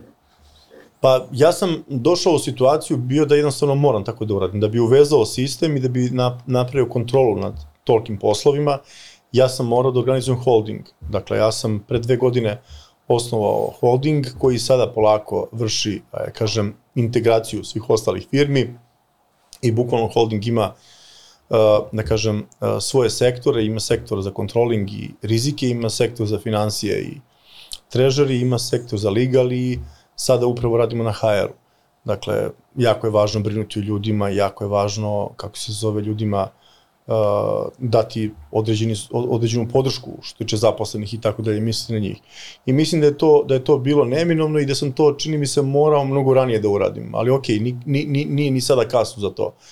I kad sam, kad sam, da kažem, skoncentrisao to, bilo mi je isto jako teško. Recimo, ja sam i danas danji direktor British Motorsa, pored toga što sam predsednik OMR grupe. Dakle, bilo mi je teško i kad sam posle, da kažem, 7-8 godina, kako sam vodio tu firmu, morao da pređem na drugu lokaciju i da vodim celu kompaniju. Ali ovaj, uh, sam se prilagodio tome. Jednostavno, vi u životu najteže je kada treba da pređete iz male firme u srednju firmu, a onda je još teže kada morate iz srednje firme da pređete u veliku firmu. A kad sve to morate da povežete u jedan ozbiljni sistem, to je, da kažem, poprilično teška stvar. Teška stvar za shvatanje, morate da naučite kako sistemi veliki funkcionišu, morate da naučite da ne možete sve odluke da donosite vi, da nekad neke odluke morate da donesu, da donesu i direktori, da su oni dužni da donesu na kraju rezultati i tako dalje, ali sve su to stvari kroz koje mi moramo da prolazimo i moramo se prilagodimo. I pre dve godine kad sam, ili tri već gotovo sad u nas, da ovo je treća godina, kad sam podigao AMR Group, dakle ja sam sad došao u situaciju da mogu da se bavim i razvojom ovih ostalih kompanija, a ne samo da se bavim operativnim poslom. I savjetujem svakome da kad dođete na neki nivo poslovanja, jednostavno tu ne možete da ostanete, da morate da shvatite da morate da napravite sistem. Da sistem uh, vodi biznis, a ne da, ih, da, da ga vodite vi. Dakle, naravno, vi upravljate sistemom i vi ste neko ko je strateg u tom, uh, u tom sistemu, ali sistem mora da postoji. Sistem kontrole, da kažem, sistem i nagrađivanja, sistem bonusiranja, sistem da jednostavno uh, možete da predvidite rizike. Dakle, mi se bavimo i finansijskim poslovima, pored, uh, pored automotive biznisa. Vi ste videli sad recimo situaciju sa, s, puno su prošli mesec stradale, stradalo osiguravajuće društva sa ona tri velika nevremena. Dakle, to su bile jako velike štete u svim osiguravajućim društvima i sistem Globosa se pokazao kao jako dobar, kao jako kvalitetan, zato što mi nismo pretrpeli toliki udar koliko su pretrpela, kako se zove, ostalo osiguravajuće društva kod, uh, kod isplata šteta. Dakle, procenjivali smo, pa procenjivali smo rizike kvalitetno, to znači da smo praktično imali kvalitetne, kvalitetne kadrove. Dakle, to je ono o čemu pričam, da morate da imate sistem i sistem će da rezultate. Dakle, a Globos je jedna od dve kompanije koja već tri godine ima, koja, koja je po oceni Narodne banke Srbije ima najveći koeficijent u isplata u štetama, dakle, u auto odgovornosti. Dakle, to je ona brzina u rešavanju šteta. Dakle, nismo mi slonili neke štete da ih nismo platili, nego smo jednostavno dobro procenjivali rizike da nismo previše štete imali. Tako da jednostavno mislim da uh, ko hoće da vodi veliki posao i ko hoće da raste u biznisu, mora da pretrpi te promene, mora da se transformiše i u glavi, mora i on da prihvati ajde da kažem, savete drugih ljudi, a ne možete da budete najpametniji u biznisu. Ne možete da budete najpametniji u financijama i u prodaji i u pravu i da budete pametni u, ne znam, nija, u odnosu sa zaposlenim ljudima i ne možete, ne možete jednostavno sve sami da radite. A čije znači, savete ti slušaš u biznisu? Pa zavisi koja je tema u pitanju. Dakle, ja sam, kažem, godinama čuvao kvalitetne ljude i zapošljavao kvalitetne ljude i uglavnom uh, razmenjujem mišljenja s njima. Dakle, ja imam taj svoj pravac i, da kažem, ta vertikalna integracija je završena. Mi sada, da kažem, dorađujemo sistem, povezujemo se softverski jedni s drugima za razmena podataka i sad smo napravili jednu fenomenalnu stvar. Mi smo kompanija koja je i prodajno i uslužno orijentisana, je da kažem. Da, da tako, tako mogu da kažem. Mi smo super sad uradili i to je moj sin dao ideju kad je došao iz Amerike, verovatno je to video po tim američkim standardima, napravili smo jednu cross-sell aplikaciju gde su sve kompanije u jednoj aplikaciji. Napravili smo sistem bonusiranja gde svako u našoj kompaniji može da proda svaki proizvod iz, uh, iz, iz, iz, iz cele grupe. Dakle, da zaradi dodatni novac. Dakle, postoje incentivi koji se dobijaju, ne znam nija sada, radnik Globus osiguranja koji sedi u Vranju može da proda i tehnički pregled, može da proda i automobil, a može da proda i uslugu u servisu i da on zaradi novac od toga. Dakle, sad smo dali mogućnost našim zaposlenim ljudima putem aplikacije uh, cross-sell OMR aplikacije da mogu da svako zaradi dodatno tako što će unaprediti prodaju neke druge firme u grupi. I kako se pokazalo? I pokazalo se fenomenalno, aplikacija već treći mesec funkcioniše i gotovo 80% lidova koji su unuti u aplikaciju su se pokazali kao kvalitetni i da se desila neka prodaja ili neka usluga. Tako da mi kao kompanija imamo jako velike potencijale. Pa samo recimo, Globos osiguranje i CV servis imaju 54 uh, lokacije gde rade u Srbiji, 54 svoje centra, prodajno, prodajno usluža centra. Dakle, to je velika mašina koja jednostavno uh, svaki dan funkcioniše svaki dan. Ali ono što je jako bitno napomenuti, jako je bitno napomenuti da u svim našim firmama postoji kvalitetna usluga i postoji zadovoljstvo naših kupaca, da nam se kupci vraćaju, da jednostavno kad se dese problemi uh, kod pojedinih stvari, mi odmah reagujemo, naravno uvek postoje i ljudi koji očekuju, što kaže naš narod, koji traže uh, hleba preko pogača. Dakle, mi prepoznajemo takve stvari i jednostavno uh, ne idemo ka tome da urušavamo ugled naše kompanije da bi činili nekim ljudima koji traže ono što im ne pripada. A kad se desi problem na štetu klijenta, klijent u većini slučajeva kada, kada je mogućnost naša kažem, dostupna, nije prepušten samom sebi. Mislim da to je jako važna stvar, zato što je Srbija poprilično malo tržište, zato što je Srbija takve kupovne moći kao što jeste. Ako ne čuvate klijenta, nismo mi Ameriko, Amerika, nismo mi Chicago sa 20 miliona stanovnika, pa će jedan klijent ući kod vas i više se nikad neće vratiti, ali uvijek će postojati neki novi. Dakle, imamo ograničen broj ljudi koji mogu koji mogu da potroše novac recimo kod nas u kompaniji i jako, jako, jako dosta radimo na tome da sačuvamo te ljude. I mislim da će ta aplikacija koja je fenomenalna stvar da pomogne prodaji svim kompanijama i mislim da je to budućnost. IT je definitivno budućnost. Kako danas procenjuješ u koji ćeš biznis da uđeš? Imaš toliko različitih biznisa, opet su strukturirani oko tog core biznisa, ali danas kad razmišljaš u koji biznis da uđemo, kako to izgleda taj proces? Pa u isključivo se trudim da uđemo, da uđemo u, srodni biznis. Dakle, u srodni biznis da recimo Ja sam malo preobjasnio, dakle, vi imate automobil, automobil se registruje. Sve je uvezano. Znači, sve je bukvalno uvezano. Ja sada u ovom trenutku apsolutno ne razmišljam da ulazim u neki drugi biznis koji uh, nije, a, možda, bih, a, možda bih kupio neku firmu koja se bavi poslovima da mi budemo veći na tržištu, da imamo veći udeo u tržištu, ali u ovom trenutku ne razmišljam da ulazim u neke nove biznise, ovo što sam postavio i ove biznise koje sam postavio, oni su bili, oni su, oni, to je jednostavno bio moj petogodišnji plan pre gotovo 5-6 godina.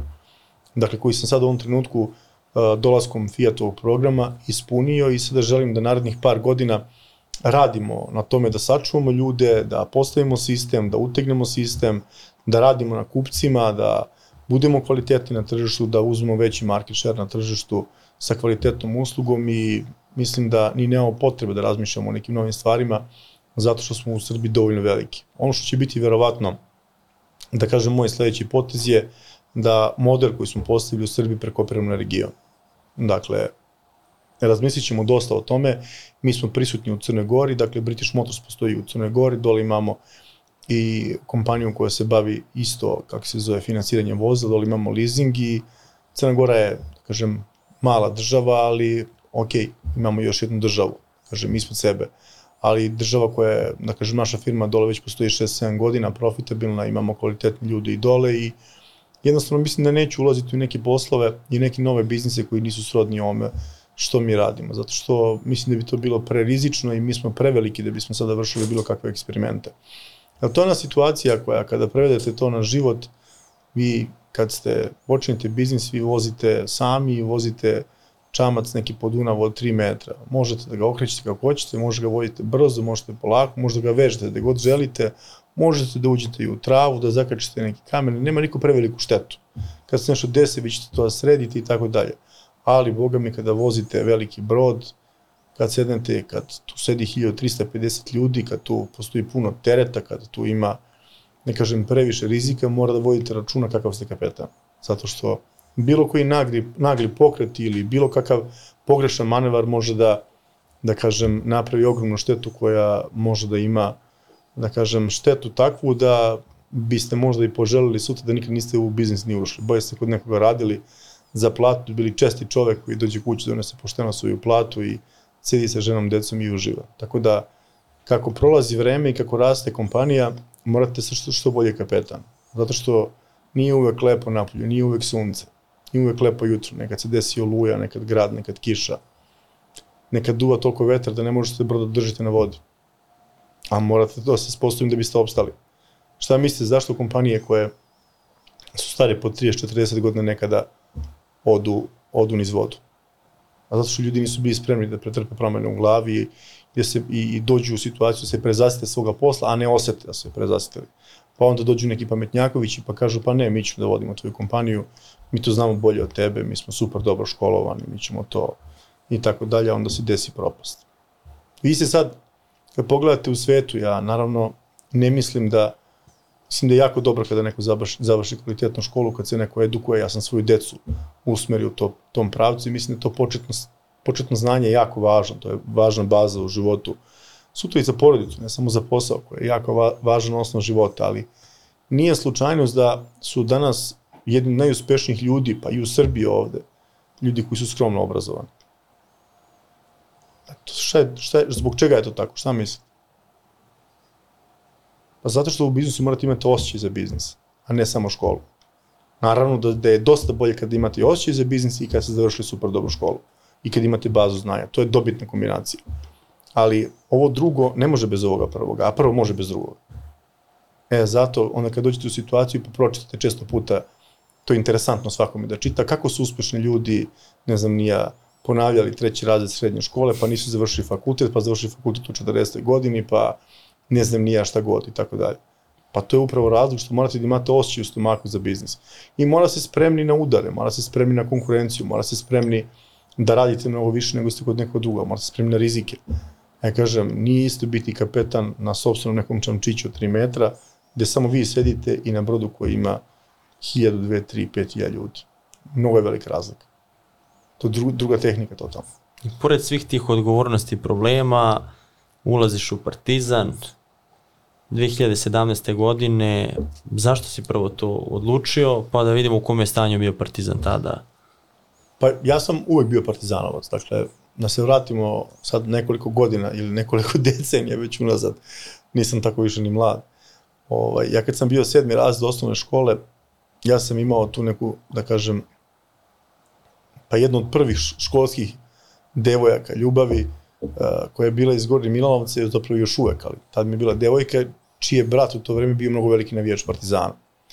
Dakle, on me prvi poveo na Partizanovu utakmicu i to je bila utakmica, da kažem, gde je Partizan bio domaćin, a Zvezda je bila gost. Dakle, ja sedmi razred na stadionu UNA i od tad počinje, da kažem, ta moja prevelika ljubav za Partizanu.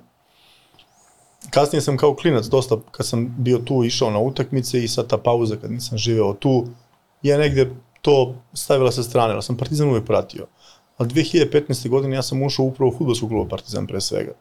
Na poziv tadašnje uprave i tadašnjih ljudi i tad sam postao član upravnog odbora 2015. godine i tad sam nekako, čini mi se, shvatio da bih trebao imati i neku, nešto u životu. Ja nikada, ja ne pušim, ne pijem previše, volim, volim sport, volim da treniram, volim da jašem konje, volim da trčim, volim da se bavim sportom i volim te neke stvari koje meni daju neku energiju u životu. A taj Partizan mi uvijek dao neku dobru energiju. I 2017. godine ja sam sedeo, sećam se, što kaže naš narod, jedan lep sunčan dan, 2017. godine sedeo sam u British Motorsu i dolazi ekipa ljudi iz Partizana. Umorna, kao da su bili u rudniku 40 dana zatvoreni i da, nisu, da niko, niko im nije dao ni da jedu ni da piju. Dolazi Dragan Todorić sa tadašnjim ekipom ljudi koja je bila u Partizanu, kod mene na razgovor da pričaju nešto. Oni su, nisu ni najavili šta je upravo zapravo bila tema. E to je stvar, kada bih se sad vratio unazad, sad da znam ovo sve što znam, znači puno bih više razmišljao nego što sam razmišljao tada, ali opet mi je tad osjećaj govorio i nisam pogrešio. Nekajem se zbog toga, osjećaj mi je govorio, treba da prihvatim. I su došli kod mene u kancelariju, jednostavno u to vreme stvarno Partizan nije, nije postojao kao klub. Dakle, ja nisam to ni znao. Oni su došli kod mene u, u, u kancelariju, ja kravata, odelo, tako sam je bio na poslu, na posao u to vreme. I oni dolaze onako, ja sam Todorića znao, znao sam, sam bio u futbolskom klubu, znao sam ga iz prolaza, nisam ga ni znao čak, čak ni lično. Nikoga od tih ljudi nisam znao lično, koji su bili tad kod mene. I oni kažu meni, mi imamo ideju da ti ponudimo da budeš ti predstavnik Partizana u Košarci. Ja znam da je Partizan 2015. godine, pa kada je došao Nikola Peković, pošto sam ja tad bio u upravi futbala, bio u užasno lošem stanju. Meni upravo to prvo prošlo kroz glavu, šta sad ja došao ovde stabilizovao firmu, super mi lepo, Jaguar Land Rover, putujem, idem za London na sastanke, putujem po celom svetu, šta će meni da sad razmišljam ovo? To, to, to mi prvo palo na pamet. I oni tu pričaju kako je Partizan veliki klub, kako ima navijače, kako dve, tri godine je strašno loše, kako oni nemaju neko rešenje, kako su dobili preporuku, kako oni znaju da sam ja doneo novac 2015. godine u futbal. I tako jeste bilo. Pokojni Darko Grubor, kada je bio tadašnji upravo, ja sam prvi doneo novac stavio na sto. Što sam smatrao to poštenima. Ako dođeš upravo, mora da daš neki par. I oni kažu, mi znamo da si ti pomogao gore, mi smo u problemu. I to je veoma interesantna priča, koju ja detaljno nisam nigde ni pričao, ali ajde, sad ću kod tebe da ispričam ovde i to je verovatno interesantno za mnogi navijače. I tad oni mene ubeđuju, ubeđuju, ubeđuju, ja kažem pa dajte malo da razmislim. I sad oni posle sat vremena ustaje, odlaze, ali toliko su bili umorni, toliko su bili istrpljeni ljudi da je meni bilo prosto ljudi nigdje žao. Znači ljudi bez rešenja. To je bio, to je bio početak sezone 2017. Ta sezona, da kažem, košarkaša kreće u oktobru mesecu. Oni su prvi put kod mene bili recimo krajem juna ili jula. I oni kažu moraš brzo se odlučiš jer sada mi radimo prelazni rok da bi učestvovao u tom radu i tako da ja kažem ljudi dajte prvo ja malo da razmislim pa kako se zove ću da donesem tu odluku. I oni kad su otišli a ja nikad u životu nisam propu, propuštao ni jednu šansu koja mi se ukaže u životu a da mi se dopadne na prvu i uvijek sam se sebe najviše plašio. Nisam se nikad plašio drugih, uvijek sam se plašio sebe kod takvih stvari. Ja onda kažem sebi kad ću ako neću sad?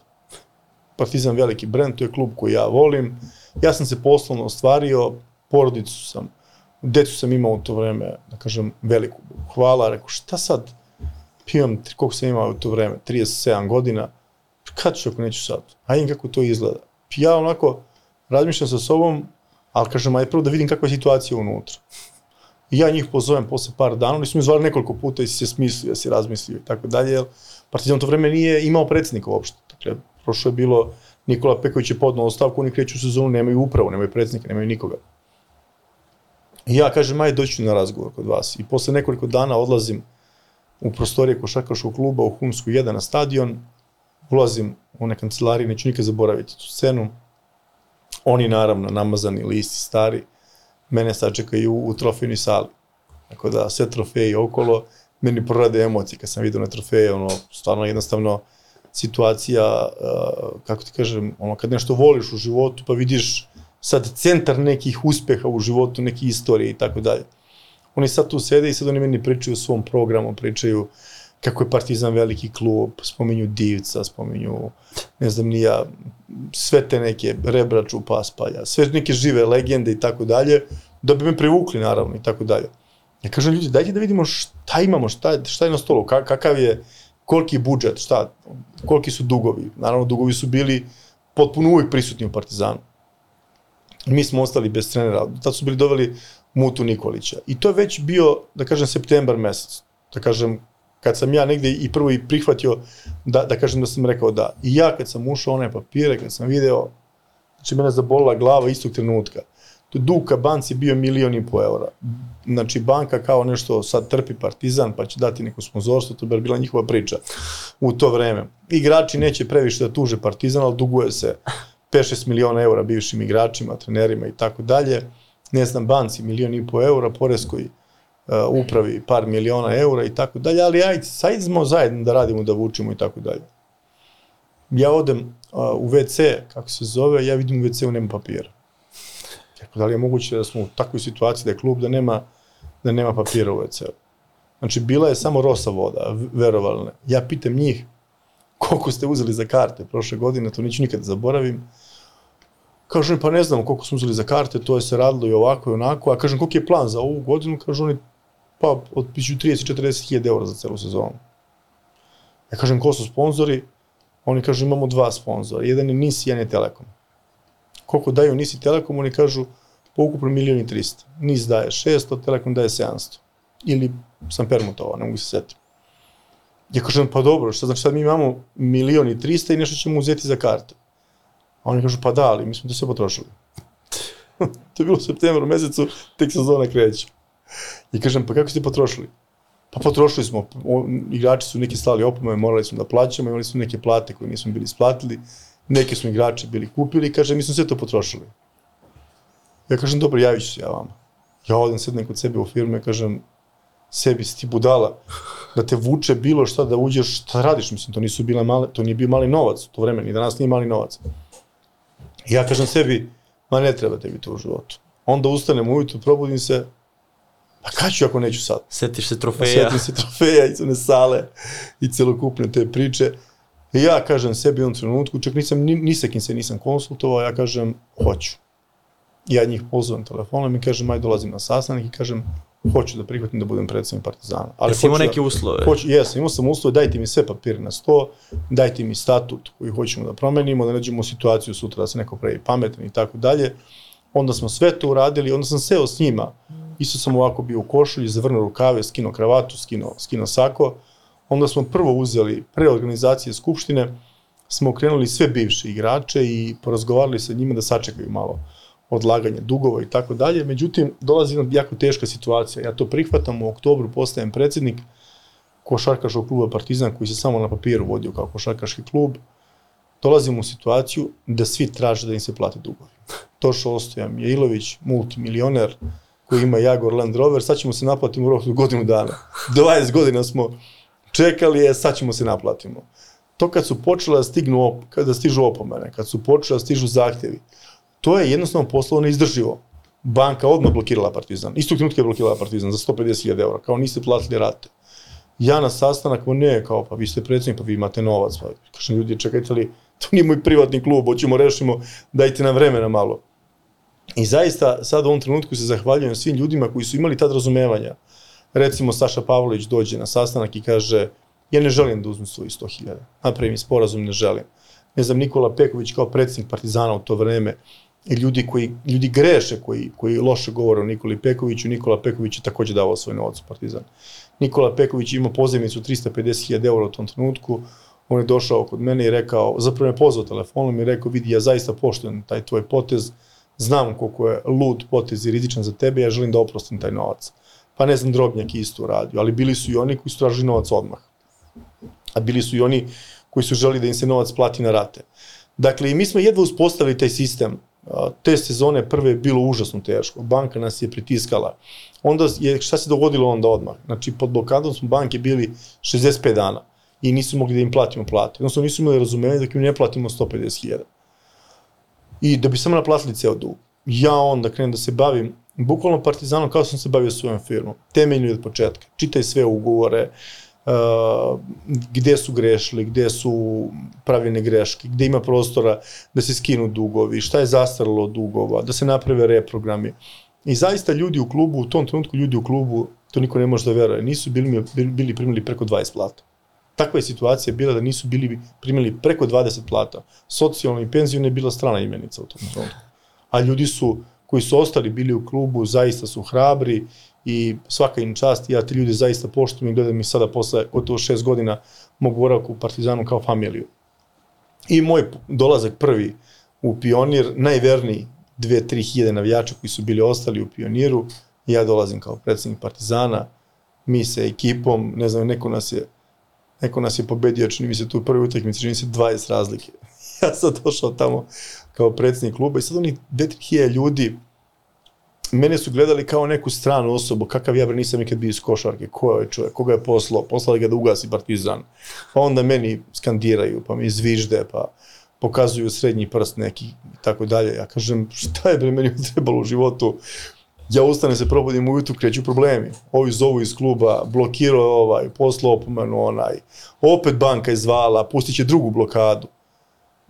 Ja, a ja nikad u životu do tada, ja sam već 15 godina od tada imao, imao poslovnog iskustva i tako dalje. Nikad u životu nisam nikom dugovao jedan eurocent. Znači nikada.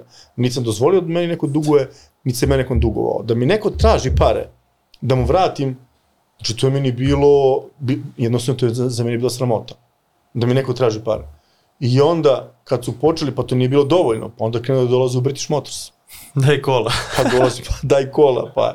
A šta sada, kad ćemo mi naše pare da naplatimo? Znači, to je tako bilo represivno, da je to prosto nevjerojatno. A navijači u isto vreme, a kad će rezultati, a kad će pojačanja, a ovi, a kad će plate, a ja kažem, šta ja sebi napravih od, od, od moga života, od nakog života, od, od svoje slobode da mogu da treniram, da igram futbol, da trčim, ja sebi pretvorim život u pakao, postah najveći dužnik u Srbiji bez dinara duga. ja rekao, prosto je nemoguća stvar. Ja kažem, dobro, eto, to je tvoje ambicije i želja da nešto više ne budeš u životu, te sad i koštaju ovo, sad trpi vuci. I ja onda napravim neki upravni odbor, dovedem neke ljude koji su kao u to vreme dali neki svoj novac i hvala tim ljudima. Za, zaista, Kako si ih ubedio da daju novac u tu rupu? Mislim da je puno, puno je pomoglo to što sam ja imao, e, što sam ja imao određeni ugled u poslu što sam imao velike brendi za sebe i puno je pomoglo što sam ja imao privatni novac. Dakle, A ti si su- ubacio svoj novac. Ja jesam ubacio svoj novac, ali ja nisam dao sad svoj novac da vratim ceo dug. Ja sam u nekom startu dao neki svoj novac da možemo da preživljamo. Ja sam više gasio požare. Jer tu strateški ništa ne možeš da planiraš. Znači šta planiraš strateški kad ti hoćeš da napraviš neki plan, sutradan ti neko traži pare. Znači svaki dan neko traži pare. Svaki bogovetni dan te neko šalje poruke, šalje mailove i zovu iz kluba traži neki novac. A plata svakog prvog stigne ku u firmi. Onda smo puno mi iz naše firme gurali, ne znam ni ja, što donacija, što pozajmice i tako dalje. Ljudi koji su bili u upravi su, da kažem, pomerili neku granicu. I onda kad dođemo u situaciju, ovaj, ja sad razmišljam rezultati jako loši, financije jako loše i tako dalje, ali jednostavno nemaš, ne, nemaš gde, nemaš nazad. I ja vidim da je situacija jako teška, ja sam da razgovaram sa Mutom Nikolićem da prestanem da bude trener. Muta Nikolić je to vreme bio trener, zaista velika legenda i on je veliku stvar uradio što je tad Partizan nije niko htio da ga prihvati. U, parti, u Partizanu trener niko nije htio da bude 2017. godine.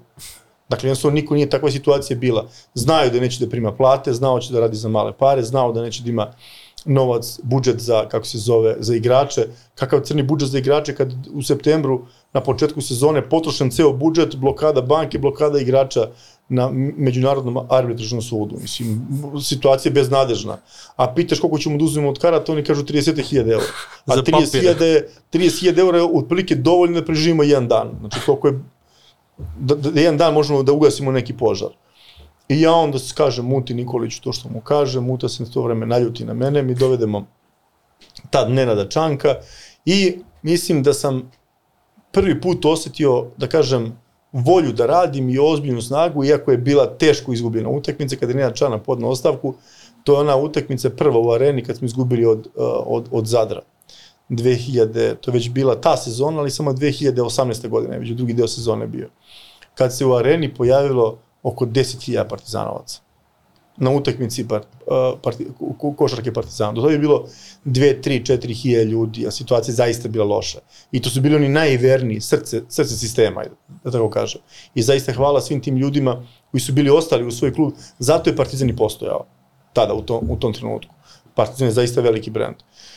I onda kad sam ja video to protiv Zadra, i onda navijači počnu da skandiraju da se smeni Nenad Čanaka, dosta ljudi se okretalo ka meni i ja sam to video u tom trenutku da su videli neku nadu u meni. Jednostavno da su videli neku nadu da se stvari pomeraju, povukli smo, došli u arenu, navijači su to ispratili, mnogo je posle bio veći prihod od 30.000 eura od karata, pa kad dođe 10.000 ljudi na utakmicu, pa vi zaradite 20-30.000 eura u tom trenutku od te neke utakmice, a šta znači to? To, to je jednostavno nemoguća misija bila u Partizanu. I onda ovaj, eh, kad se ta situacija desila, da kažem, dolazak Trinkjerija odmah nakon toga je bio prva mnogo velika stvar u Partizanu. Tad su se zaista vratili navijači, dolazak Trinkjerija je bio nešto što je, ajde da kažem, parti, u, u ovoj eri Partizana, u ovoj novoj eri Partizana, uh, dosta doprinalo da Partizan bude ovo što i jeste danas. Dakle, Trinkjeri je u tom trenutku bio trener koji je imao određene a ja kažem, ne evropske kvalitete u smislu da radi u Euroligi, radi u Eurokupu, ali je i bio harizmatičan kao što i danas imao je, da kažem, uh, to njegovo ponašanje je bilo drugačije od ljudi koji su radili u klubu, doneo neku drugačiju sliku, onda su prišli neki drugi ljudi u upravu i onda sam posle, posle polako počeo da dižemo sistem. Ali kako se meni uvek crtaju slike u životu, ja sam uvek iz najteže situacije morao da krećem. Znači situacija koja je bila najteža 2017. godine, dolazimo od 19. i ja kažem Bogu hvala, mi prvi u Eurokupu i prvi u, to je bila 19. na 20. ta sezona, prvi u Eurokupu, završavamo sezonu i prvi u ABA ligi imamo prednost domaćih terena. 19. da, dolazi korona tada u martu, prekinu se sezona, ne važe rezultati, molim lepo i doviđenja. Ja kažem, da li je moguće, ko je ovo prokledstvo, kome mi šta dugujemo u životu, dve godine vučem, znači da ne znam gde ću s ovim ljudima i bukvalno neko uzme i sve prospe na ulicu kao ništa nemaš više u životu. Trinkjeri se okrenu, ode, ostane ekipa, ja razmišljam, šta sam ja Bogu zgrešio? De, jer ko 100% je moja, moja, moja kazna neka, nešto me za Bog me nešto kažnjava, šta li sam pogrešio, stalno sam se preispitivao gde sam pogrešio. I onda ta sezona sa Šćepanovićem i sa Filipovskim, užasno teška. To je možda moja najteža godina u životu u Partizanu, teža od one 2017. Znači, bukvalno teža. Znači, korona, mi ne prodajemo karte, Ja sam sve vreme podizao sistem. Znači, gradio sam sistem da marketing radi, da prihod od karata bude stabilan, da imamo i privatne sponzore, ne samo državne, državna uvek bila konstantna i uvek je davala sve više i više kako je sistem rastao i tako dalje, ali sam se uvek trudio da imamo i mi neki svoj novac, imamo neke svoje prihode. I mi smo sve ovo vreme otplaćivali stare dugove, što igračima, otplaćivali smo dugove raznoraznim dobavljačima, rešavali taj spor sa bankom, na kraju smo očistili taj dug od milion i po eura, a sve vreme smo imali kvalitetan budžet da rastemo kao, kao, kao, kao, kao partizan, kao tim. I sad da kažem najveća priča i zato Partizan danas možda i jeste najveći u Evropi, dolazak Željka Obradovića i taj novi upravni odbor, kada je meni istekao taj prošli mandat, dolazak novi, upra, novog upravnog odbora i najveći srpskih privrednika koji sad sede u upravnom odboru, koji daju svoj novac uh, u Partizan, gde jednostavno navijači su prepoznali i dolazak Željka Obradovića i kvalitetne ekipe. Kako ste Željko mi- ubedili da, da dođe? Pa to je ve- veoma interesantna priča i to je isto meni, da kažem, dalo određenu snagu. 2017. godine meni tadašnji potpredsednik moj Milan Iskrin kaže ja mislim da ti trebaš ja Željka, nisam poznavao Obradovića.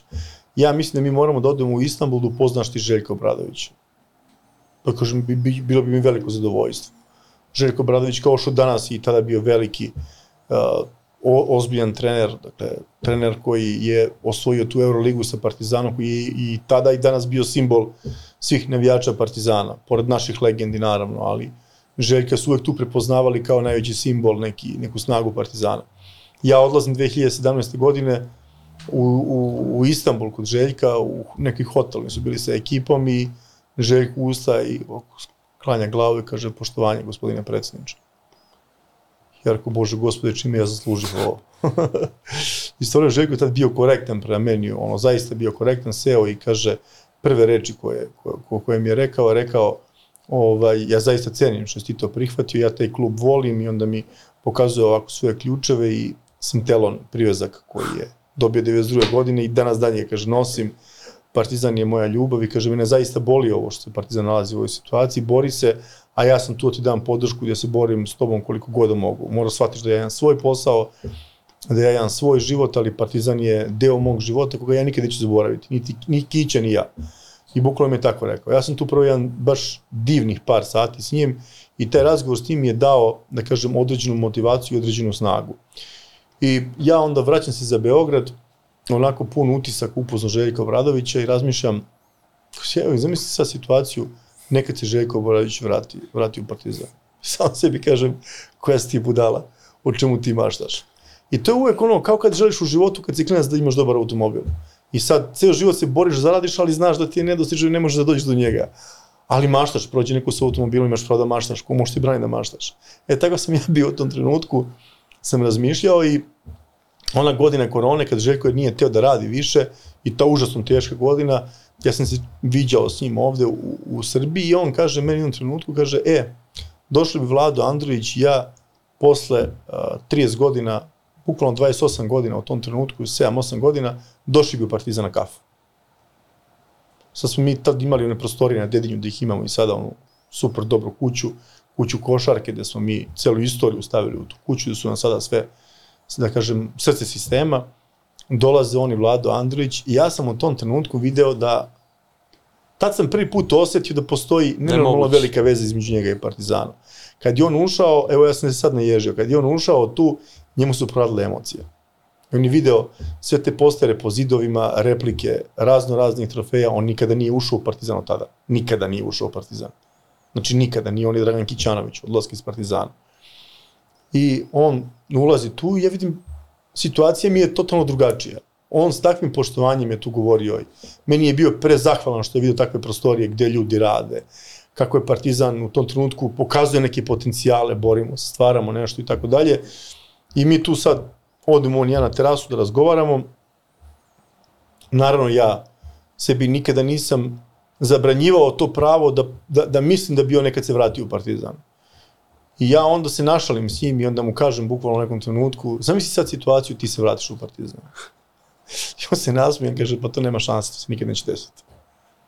I to je bila prva moja rečenica koju sam ikad izgovorio, da kažem, u našoj komunikaciji gde sam se našalio. A to je bila više, to je bila više moja želja koju sam ja gadio, ga, gajio sve vreme koji sam ja želeo nekako da mu kažem, kao ono kada nosiš nešto u stomaku i dođe trenutak da nekome nešto kažeš.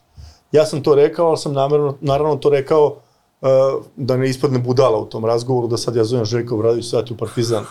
On raspao se sistem posle korone, ne znamo gde ćemo, sedmi na tabeli, dođu u Partizan. I ovaj, ona sezona užasno teška, ja sam znao da tada moram da povučem neki ozbiljan potez. Znao sam da moram da uradim nešto ozbiljno, znao sam da moram nešto da dam navijačima ili da se okrenem da odem.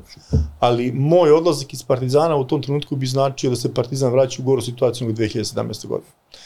Jer smo mi veliki dug imali 2017. pa smo ga smanjili 2019. pa je došao novi 2019. jer nije bilo navijača, jer je ostao tim, loši rezultati te godine i tako dalje. Ja sam znao da ću posle biti i ja krivac ako se part, ako dođe partizan u situaciju da ode u stečaj i tako dalje. Ja onda stisnem zube i kažem sebi ne postoji šansa ikako da to dozvoliš sebi u životu. Nećeš, znači otićeš kad budeš bio najjači, a nekad si najslabiji. I ja onda preko nekih prijatelja dođem do Zorana Savića, zapravo sam ga i znao godinu, dve dana preko toga, preko agenture i mislim da je značajan potez bio u celoj priči dolazak iz Zorana Savića. Kažem, taj april, uh, dve, je to 2021. jest? 2021. čini mi se. 2021. Zoran Savić dolazi u Partizan i ja sam se tu već i viđao sa Željkom Obradovićem i Zoran, prite mene Zoran Savić kaže, a šta ti misliš sad, pošto sezona ova gotova, cilj nam je da ostanemo u ABA ligi, mi završili sedmi, mogli smo završimo 10. 11. Aca Matić, Matić prihvatio, smenili smo ovoga Filipovskoga, prihvatio Jaca Matić da bio baš hrabar, ostali smo, da kažem, na toj sedmoj poziciji ja kažem Zoranu Saviću, ja mislim da mi treba ponudimo posao Željku Bradoviću. Zoran Savić se toliko ismeo tog trenutka i kaže, u, dobro si ti lud, kaže meni on. Ja kažem, ja to zaista mislim tako ozbiljno. Ja ne vidim drugog trenera koji će da vrati publiku i ne vidim drugog trenera na toj poziciji, niti ima trenera kvalitetnih koji možemo ovaj posao da ponudimo.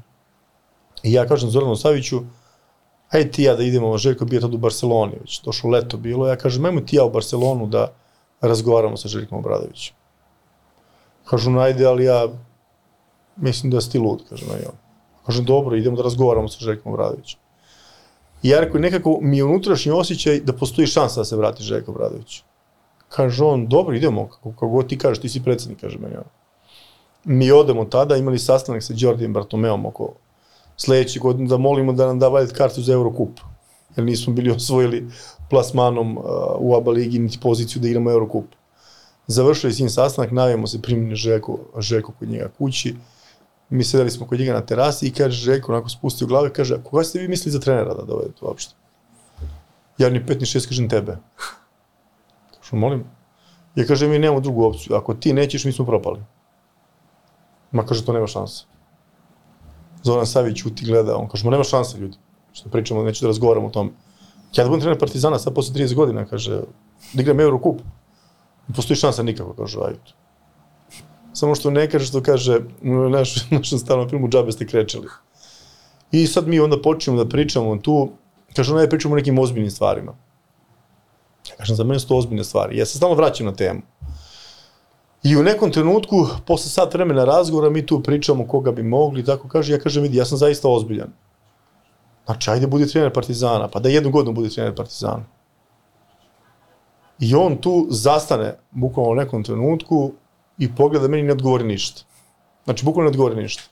Mi smo tu završili taj razgovor i Zoran Savić kaže meni, nakon 10 minuta odlaska Željke kući, kaže, ipak ti nisi lud, kaže, i ja sam shvatio da postoji šansa. I onda kreću pregovori, kreću razgovori sa Željkom i bilo je zaista teško. Svi ti pregovori su bili, ajde da kažem, za mene pre svega stresni, jer sam ja to mnogo želeo da se dovodi, jer sam znao što znači partizanovim navijačima. Onda praktično on je otišao negde u Atinu i ja se sećam, meni rođendan bio 25. maja, ja uh, dobijem od njega poruku, čestam mi on rođendan 25. maja, moja sledeća poruka je bila kada će doći da razgovaram.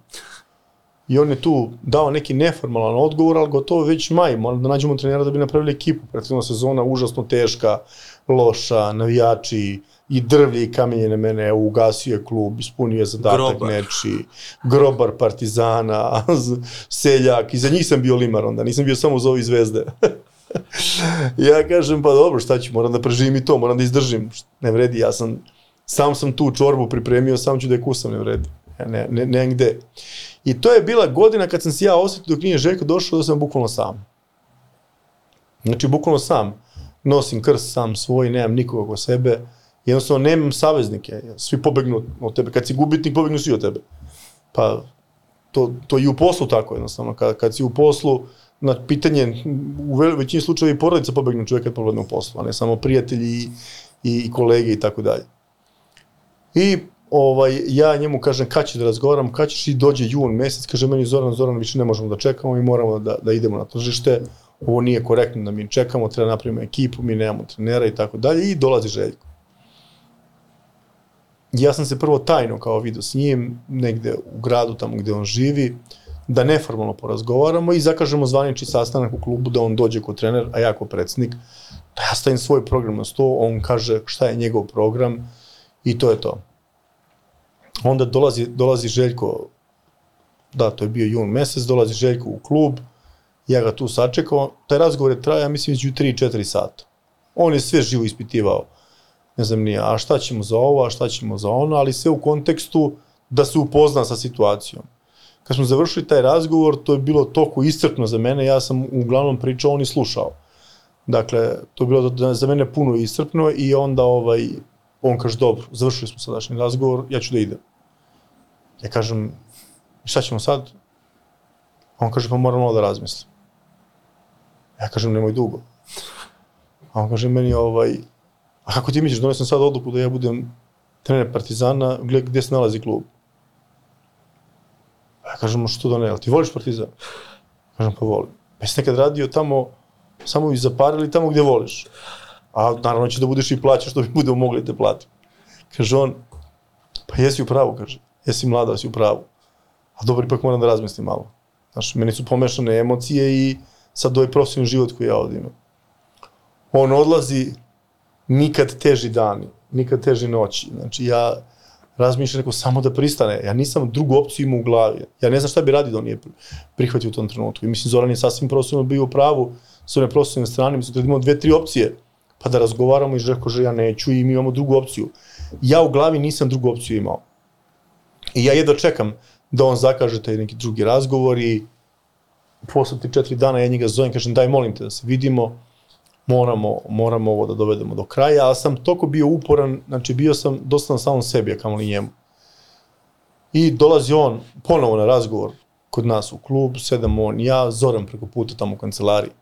Kod njega mi porazgovaramo, ponovo smo razgovarali dva, tri sata, ja sam njemu ispričao koji je program, kako ćemo da obezbedimo budžet, šta ćemo da uradimo, koji su naši planovi, koji su dugoročni planovi, šta je moje razmišljanje, koga ćemo da dovedemo u klub, da da okupimo ljudi iz biznisa, da ne budemo samo na teret državi, da moramo da vratimo navijače, da će navijači se vratiti njegovim dolaskom i tako dalje. I u nekom trenutku ustaje, meni pruža ruku i kaže, ja sam trener Partizana. I sad on stoji, drži ruku, ja sedim i gledam u njega. Ja kažem, šta je, nećeš? Ja kažem, hoću. ja ustajem i pružam mu ruku i kažem, čestam ti. I meni samo što suze nisu bile pošle. Sad mi sedamo, on nešto priča, ja ćutim, jesi izgubio to tamo. Kaže on, a šta, nisi zadovoljan? Pa kažem, čekaj polako, sad čekaj. Kaže, šta sad čekaj? Da razmislim, a? Kaže me njima, kada ćemo ugovor da potpišemo? Kaže, pa ne moramo sada potpišemo ugovor. Ako mora potpišem ugovor, kako si prihvatio, neću potpišem Da ne ugovor. pobegneš. pobegneš. Kaže on, pa potpisat ćemo ugovor, ja vremena za ugovor. Ja tebi verujem, dogovorili smo se, kaže mene. Ja kažem, pa dobro. Ajde, kažemo konferenciju za medije sutra, ja mu kažem. Kaže, ne mogu, ja nisam tu sutra.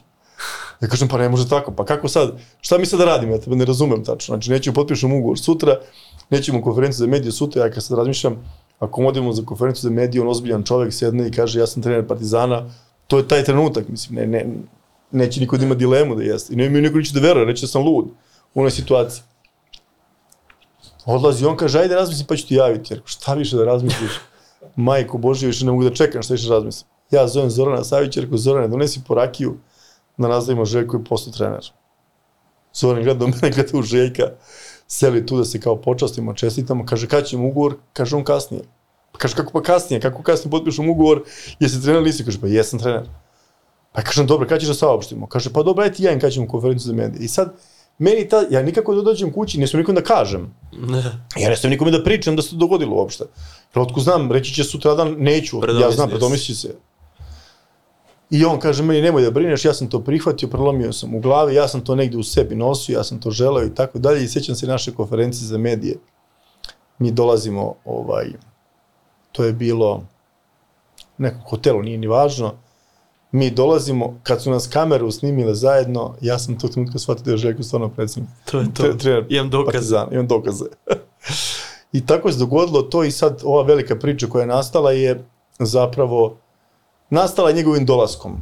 Dolaskom ovih ozbiljnih ljudi u upravu, povratkom navijača. Uh, taj Eurocup za nas te godine je bio još jedan veliki udarac kad smo ispali, da kažem, u, u četvrt finalu preprošle, preprošle sezone. Znači, bio je i finansijski težak za nas i tako dalje, ali svi sad smo mi veliki brend, ozbiljan smo klub, prošla sezona i povratak u Euroligu i ovih 540.000 navijača koji su došli, kupili kartu, su ozbiljno stabilizovali situaciju i dali veru da kažem, i nama koji radimo u klubu, i Željku, i igračima, i igračima koji su sada došli u klub i tako dalje. I sada mi smo, da kažem, pustili da radimo registraciju zainteresovanih ljudi za sezonske karte, kojih mi imamo između 11 i 15 hiljada, zavisi, vidjet ću koju ćemo odluku doneti za nekoliko dana, imamo preko 30 hiljada prijavnih ljudi da kupe sezonsku kartu. Dakle, ja nisam siguran da to ima i jedan klub na svetu. Ne kažem džabe na svetu, mislim na, na, klubove koji igraju NBA ligu. Dakle, mi smo zaista poseban klub, sada imamo, da kažem, već tu neku, neki, neki utaban put i važimo za jedan od najpopularnijih klubova i jesmo jedan najpopularnijih klubova po svim rezultatima Eurolige i navijači su fenomenalan posao odradili prošle sezone i klubu puno ekonomski pomogli sa kupovinom karata i ona akcija koja je bila jedan partizan imamo za vraćanje porezkog duga koji će se dogoditi uskoro u jednom delu pre početka sezone je pokazala zapravo partizan, šta je partizan. I sad kad razmislim, ona 2017. godina, bio sam u pravu kad sam dubinski osjećaj u sebi imao da je Partizan mnogo veliki brend koji nikada ne može da umre. Može bilo ko da rukovodi Partizanom, može Partizan da ima jako loše rezultate, može bilo ko da bude i predsednik i trener, ali Partizan će uvek biti i ostati veliki. Znači, trenutna situacija koja se dogodi u klubu, to je loš potez rukovodilaca ili loša sportska sreća, ali ne postoji stvar koja, koja, koja može da dovede taj klub do gašenja. Mnogi su ga i podaštavali, mnogi su pokušavali u borbi da neki drugi klubovi budu, budu veći, radili svašta, da kažem, tom klubu, ali nisu uspeli da ga dovedu u situaciju da se one takmiči da bude danas veliki. Partizan je mnogo veliki brend i to ljudi koji nisu u biznisu ne razumeju. Partizanov brend vredi nenormalno mnogo. To je jedan od najpopularnijih sportskih brendova u Evropi. 100% sam siguran, a i sami naši klubski prihodi i kroz karte i kroz privatna sponzorstva, naravno država uvek pomaže, kao što pomaže i ostale klubove, mi smo uvek imali pošten odnos države ka nama, nikada nismo merili kako je to bilo prema drugima, a smo bili zadovoljni, je pokazao da je Partizan jako veliki brend. Sad kad dođete u situaciju da mi znamo da ćemo ove godine čak imati, siguran sam i preko 600.000 navijača na, ne znam, gotovo 30 i nešto utakmica, znate koliko je to uspeh? Koliko je to uspeh za Srbiju, koliko je to uspeh za Evropu? Kako su evropski mediji pisali o Partizanu ove sezone? Dakle, mi smo ove sezone bili na korak, korak Final Fora. Mi je zaista žao navijača što taj Final Four nije dogodio. I to bi bila zaista i kruna ovog našeg mučenja. Zaista je veliko mučenje svih ovih šest, ovo je sad sedma sezona u Partizanu. Puno teških trenutaka, puno, puno sjedi dlaka je na mojoj glavi zbog, zbog, zbog Partizana i problema koje su mi proživjeli.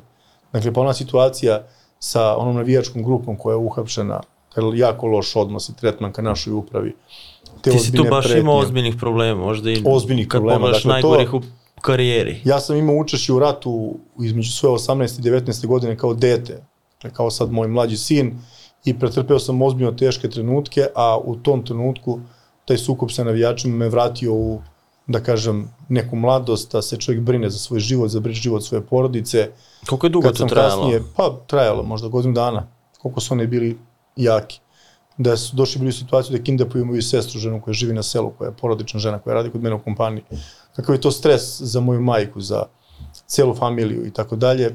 Jednostavno, dođete u situaciju da se zapitate A šta su oni hteli od tebe i od Partizana? Pa hteli su da upravljaju košarkaškim klubom Partizan, što ja nisam dao.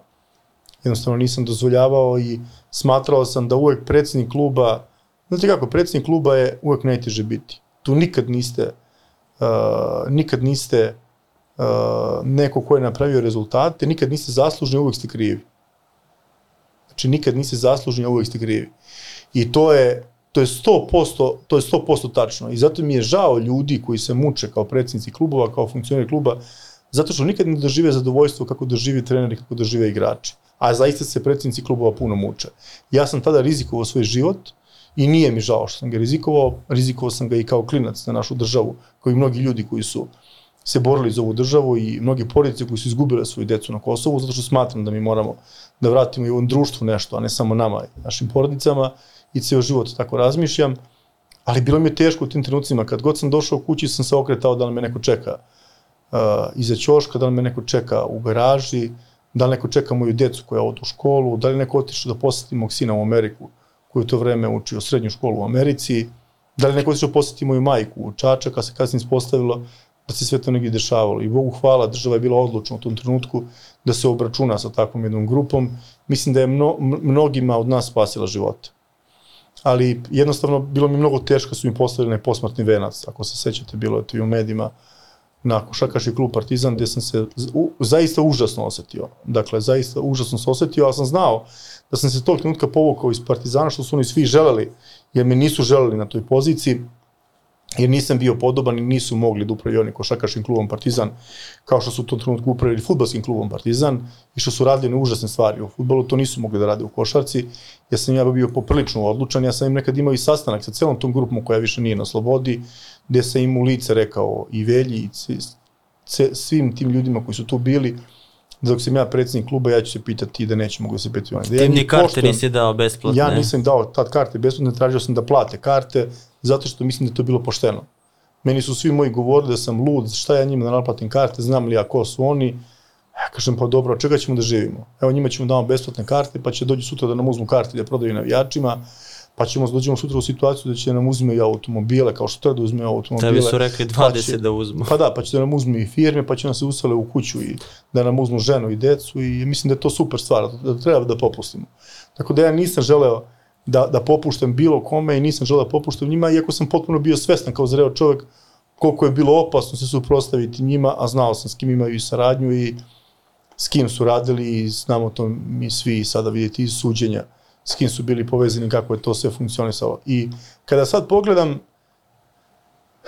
lud, što kaže Željko, hrabro se nekad isplati u životu. Ja sam tada bio i lud i hrabar. I žrtvovao sam i svoj privatni posao, i svoju porodicu, i sebe, isključivo zbog Partizana. Ja ne tražim nikakvu zahvalnost nije zbog toga, ali to su jednostavno činjenice. I ja sam danas možda i jači i pametni čovjek jer sam to preživeo.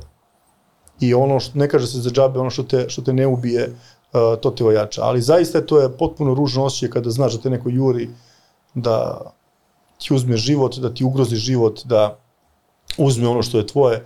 Ne daj Bože nikom takav osjećaj. Bilo je toga i ranije ovde, ljudi koji se bavili biznisom su bili kindapovani, dešavalo su se razno razne stvari, ali ovi ljudi su bili zaista odlučni uh, u tim stvarima koji su radili, zato su neki ljudi nastradali. Jednostavno nisam želeo da, da, da popuštam i nikad u životu, i kad sam bio klinac, kad sam učio i osnovnu i srednju školu, kasnije i fakultet, nikada kao klinac kad se potučemo ili na utakmicama Partizana, nisam se povlačio. Dobiješ batine, nastaviš dalje, ali sačuvaš čas i dostojanstvo. Spustim glavu pred nekim za koga smatram da je neispravan, neću nikad u životu. I nisam i tada hteo. Ok, nekad Ali ovdje treba, si to mogu životom da nekad, da platiš. Pa mogu sam životom da platim kao što su neki platili. Nažalost, neki su danas u, neki danas oplakuju svoje sinove i svoje, svoje porodice su zavili u crno zato što ti ljudi nisu čutali i, i pokušavali su da budu dostojanstveni i sačuvaju svoj ugled, ali ne daj Bože da to više ponovi u Srbiji. To su teški trenuci i ja sam zaista zahvalan državi kogod će neko ovo, protumačiti na, na pogrešan način ili će bilo šta reći protiv mene što, što je došlo u situaciji se obračuna uh, sa, sa, sa, sa tim kriminalom. Vi znate koliko danas postoji država koje nisu velike, koje su među 5 i 10 milijuna stanovnika, da ne nabraja sa te države, nije ni politički korektno, koje se bore sa ozbiljnom stopom kriminala, da ljudi žive u ozbiljnom kriminalu, da ljudi koji se bave biznisom plaćaju ozbiljne rekete i gde se kindapuju deca, gde se ljudi ubijaju zbog novca i tako dalje. Ova država danas ima neki red i ono s čim je se onda izborila, ja sam zaista zahvalan, jer sam ja negde spasio i sebi život i Partizan je spasio sebe. Da su oni ušli u Partizan, da su radili ono što su radili tada, u uh, futbolskom klubu. U tom trenutku je bio i košarkaški klub popularni. Više ljudi je bilo na tribinama košarke nego, nego što je bilo uh, na, na tribinama futbala. I to je sve vreme dok sam ja, ja u košarci od 2017. godine. Njima je bila interesantna tribina da mogu da, radno, da šalju razno razne političke poruke, da pokazuju kolika je masa južne tribine i tako dalje. Ja zaista, ove momke koji sada vode južnu tribinu, zaista poštujem. Iako smo mi prošle godine imali, a ja kažem, uh, i neke sukobe, da kažem, oni su me i prozivali u nekom trenutku, ali ja i tad nisam teo da, da popuštam, jer sam smatrao da gostujući navijači našeg rivalskog kluba Crvena zvezda na utakmicama Eurolige treba da budu prisutni kod nas. Pustili su i oni nas kod njih i pokazala je se kao prava stvar. Nikome nije spala kruna s glave, s tim što sam ja dobio neke uvrede gde su pokušavali, ali sam ja seo s njima kasnije, rekao sam, ja sam predsednik kluba, ja donosim odluke, zato što sam ja odgovoran za poslovanje kluba i za sve ove ljudi koji sede ovde. Znači, neka će odluka moja da se nekome svidi, nekada nekom neće da se svidi, ali rezultati koje mi imamo danas su proizvod mojih odluka. Da su one bile loše, mi bi imali bili danas klub koji je koji igra kao što je bio 2017. godine, kome je najveći protivnik bio uh, Dinamik ili ne znam nija Metalac iz Valjeva i Radnički i tako dalje. Da su nas gazili svi po 20 razlika. A sa te biznis strane rekao si kakva je situacija bila 2017. i kakva je situacija danas. Oni su tad rekli 20-30 hiljada evra od karata je wow, koliko se danas prodaje karata, koliki je budžet? Pa nema šta, danas se karata proda, kako vam kažem, 540.000 ljudi je bilo na utakmicama, 99, 5% su platili karte. Znači nisu platili karte sponzori kluba, neki sponzori kluba, nisu platila deca ometena u razvoju, neka invalidska udruženja koje mi uh, doniramo sa kartama svake sezone, ali svi koji su mogli da plate karte su platili karte i klub je prošle godine imao preko 5 miliona eura prihoda od karata. I to je klub koji sam ja sanjao od 2017. godine.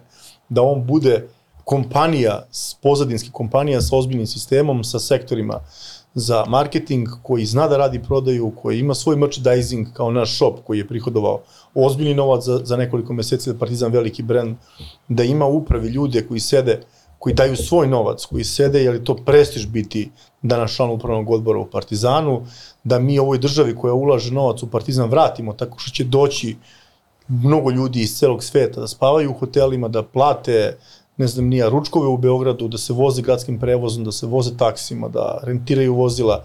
To je jedan sistem koji smo mi napravili, koji je sad bukvalno ozbiljna prirodna grana. Dakle, mi sad imamo sledeću sezonu koju pripremamo, mi pripremamo da imamo od karata više između 20 i 30% prihoda, zato smo mi podigli budžet 20% za ekipu i za stručni štab, zato što želimo bolje rezultate. Želimo održivi sistem, to su navijači prepoznali, to su prepoznali sponzori. I danas je Partizan Košakaški klub Partizan je danas ozbiljna kompanija. Jedina stvar koja je nerešena u Partizanu, koja negde sve nas boli, je koja će se uskoro, nadam se, rešiti, je to pitanje tog porezkog duga koji mi nismo uspeli da rešimo pored svih silnih problema koje smo mi tu imali. I to će se uskoro i to rešiti. Potpisali smo sporazum sa porezkom upravom kako se zove, o plaćanju tog porezkog duga, platit ćemo ga u dve rate. Ja ću kasnije izaći u tome da sad ne pričam neke detalje, pošto hoću da budem i siguran da ćemo to sprovesti baš 100% na taj način, da mogu da kažem kako ćemo to da uradimo. Kada to budemo rešili, mi smo jedna ozbiljna kompanija, sportska kompanija koja se bavi ozbiljnim poslom, koja organizuje ozbiljne sportske priredbe, koja je u svetu košarke priznata kao jedan od najvećih košarkaških brendova, koja je došla u situaciju da naši igrači koji su otišli iz Partizana su uvećali ugovore po 3-4 puta godinu dana igrajući u Partizanu, To vam sve nešto govori. Govori vam da je Partizan ozbiljno veliki brend. Ja kažem, i to sam znao u početku, i Partizan je 2017. godine imao jedinu vrednost, a to je bio grb Partizana, koji je za mene bio veći od bilo koje najveće zgrade ovde u Beogradu. I taj grb je danas još veći. I on je zapravo uh, vatra Možda koja će, on je, on je upravo vatra koja će uvijek da sija. On je oganj koji nikada neće da se ugasi. Dakle, to je, to je, to je zaista za nas partizanovce nešto jako veliko i oko njega smo se svi okupili, sve poteze koje sam ja napravio sa svim ljudima koji su u Partizanu su jednostavno poslovni potezi, kao što bi napravio kod sebe u kompaniji. Zato su i dali rezultate. Zato i dolazimo sad u situaciju da smo jedan od pet klubova koji ima šansu da sledeće godine osvoji Euroligu i koji će biti najverovatnije opet najgledaniji u Euroligi. A kad gledamo sad posao i striktno biznis, ona situacija sa, sa Madarom, kako to sad objašnjavaš, neprijatna situacija posebno za sve navijače, neprijatna situacija je ta zapravo, mi smo sa Miškom Ražnatovićem i sada kažem slobodno prekinuli saradnju upravo iz tog razloga.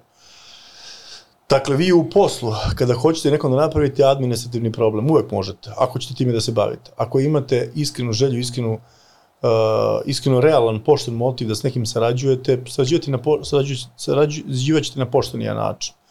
Dakle, to je detalj u kome će suditi sud, mi smo pokrenuli sudski postupak, žalili smo se na ceo taj postupak, Madar je nesportski izašao iz svog ugovora. Dakle, nesportski. I ponavljam, nesportski. On ima ugovor još godinu dana, ako izašao iz ugovora, zašto je pre pregovarao sa Partizanom o novom ugovoru i o većem novcu? Dečko koji je dobio šansu kod Željka Obradovića da s 22 godine bude, da kažem, proglašen za najvećeg talenta, mladog talenta u Evropi, ali to mu je Partizan dao. I ugovor koji je sad dobio Fenerbahču je proizvod taj uh, rada u Partizanu, a ne nekog drugog kluba. I da podsjetim ja sve te koji su učestvovali u tome, da nije ni prema Partizanu, ili je Partizan platio 250.000 eura obeštećenja za Madar. Mi smo verovali u njega i ja sam želeo da Partizan vrati svoju investiciju i da zaradi nešto od te investicije. To što su oni uradili, to je pre svega nemoralno. Da li je moglo na taj način, nije moglo, o tome će sud suditi. Ja kažem da na taj način ne može se izaći iz to striktno financije, biznis ili tu postoje nešto drugo? Da... Pa nema šta, oni su, što vi imate u 30 danu morate da platite platu. Dakle, u 30 dana mora da platite platu, ali nismo bili tako pametni da smo uh, u, u ugovorima igračima stavili da ako žele da izađu zbog neplaćanja, pošto u, u košarci uvek fali para. Znači ne možete da plaćate sve u danu, vi nemate iza sebe banku da možete da svi nasite sve u danu. Pogotovo kad dođete drugi deo sezone, drugi deo sezone je izuzetno naporan. Potroši se dosta budžeta u prvom delu sezone, skupa su putovanja. Mi smo prošle godine imali 11 čartera koji su nas koštali preko milion eura zakupi dvorana, pa obezbeđenje, pa to milion eura, pa onda ekipa, pa to, to, to je ozbiljan novac. Pa smo prošle godine stari dugova, taj veliki reprogram, još prošlogodišnji smo imali od 2001. do godine milion često hiljada eura smo platili. I vi te stvari morate plaćati na vreme. A onda platu pokušate 7 dana, 10 dana da zakasnite, što je potpuno negde u sportu prihvatljivo. I sad svi igrači koji bi želeli da opomenu za plaćanje, oni imaju pravo 7 dana, imaju period da pošalju klubu e-mail uh, da žele da naplate platu na vreme. Ako vi u tih 7 dana ne platite platu, igrač ima pravo da izađe iz ugovora. Međutim, oni su u telo maila stavili određeni sadržaj koji je mail ugura u spam. Dakle, uguro je, uguro je mail u, u, u, da kažem to, nepoželjno sanduče. Kako to, kako to, kako to jednostavno naziva, naziva narod. Namenski Naravno, ili? pa pretpostavljam, ne znam kako god je. Onda smo došli u situaciju uh, da jednostavno samo smo jedan dan dobili obaveštenje da je Madar izašao iz ugovora. Mi smo svi bili u šoku. Kako izašao iz ugovora? Niti on bilo šta spominjao, kako izašao iz ugovora. Pritom, kad je stigao taj mail, on je dobio tu platu. On je dobio tu platu, u tom trenutku su mu, mi smo njemu sve plati isplatili, agenta platili, platili stan, platili sve obaveze prema njemu kad je taj mail stigao. Bez da smo znali da će taj mail da stigne. Znači, mi smo bukvalno bili par dana zakasnili, što je klubovi rade ali mi nismo videli tu njegovu opomenu, da smo videli mi bi to odmah i uradili. I to je isto kako bi se ja vama poslao, ne znam nija, poziv za, za svadbu, dođem kod vas uh, kući i onda dođem ispred vrata i onda bacim, bacim, bacim kovertu za, za, za, za, ogradu. Ne ubacim u poštenu sanduču. To jednostavno se ne smatra relevantnom poštom, ali tako? Ok, to je sad deo sudskog postupka. I mi smo da seli s njima i rekli smo ljudi, na ovaj način, prvo ti kao dete, kao igrač Partizana za koje smo mi platili obeštećenje i da smo zakasnili i da smo primili redovnu poštu što nismo, mi smo uzeli ovaj čoveka iz Microsofta, ovlašćenog licenciranog čoveka koji je došao, koji je izveštačio mailovi koji je rekao da, mail je otišao u spam to se ne smatra relevantnom poštom. Mi smo to pokazali njima. Ali da nije bilo tog maila tako, da nije moralno da ti, Na kao način. najmlađi u timu, ti izađeš, mi platili obeštećenje za tebi, dali smo ti šansu. Onda su oni počeli da pregovaraju o većem novcu. Želeli su veći novac da on zaboravi te raskid ugovora i tako dalje što sam ja smatrao nepoštenim i nemoralnim. Na taj ja sam način. rekao na taj način, ok, dobro, super, imaš još jednu godinu dana ugovor, ajde produžimo još jednu godinu ugovor i daćemo ti veći novac. Nema problema. Ostani u Partizanu.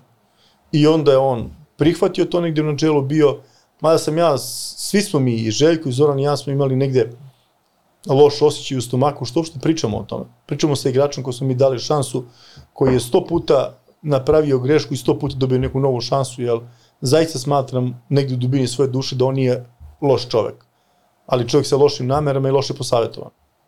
Što je loše, što je nepošteno i prema Partizanu i I tako se iz Partizana ne izlazi. Tako se ne odlazi iz Partizana koji je neverovatno veliki klub i tako se ne napušta trener koji se zove Željko Bradović, koji ti dao šansu u životu. I da imaš tu šansu, ranije Partizan, da bi ljudi znali, sportski klubovi košarkaški plaćaju 10 plata godišnje. Kad sam ja došao, sezone 2016. godine Partizan bi isplatio 3 plata, 7 je su dužan. 7 plata je su dužan. Mi smo 2017. godine znači isplatili 7 plata, pa smo plaćali 8 plata. Mi smo prošle godine sve plate isplatili, u ovom trenutku sitne neke troškove nismo platili pojedinim igračima, ali smo isplatili 10 plata, sve smo isplatili i prošle i ove godine. Znaš, znate koliko je to uspeh u košarci? Neverovatno veliki uspeh. Zašto nije registrovan Kampaco? Pa zato što nisu isplatili preprošle godine četiri plate, a prošli tri plate. I to, to je njihov predstavnik izašao i rekao u medijima. Mi nismo tako radili. Mi smo u platu zakasnili nekoliko dana.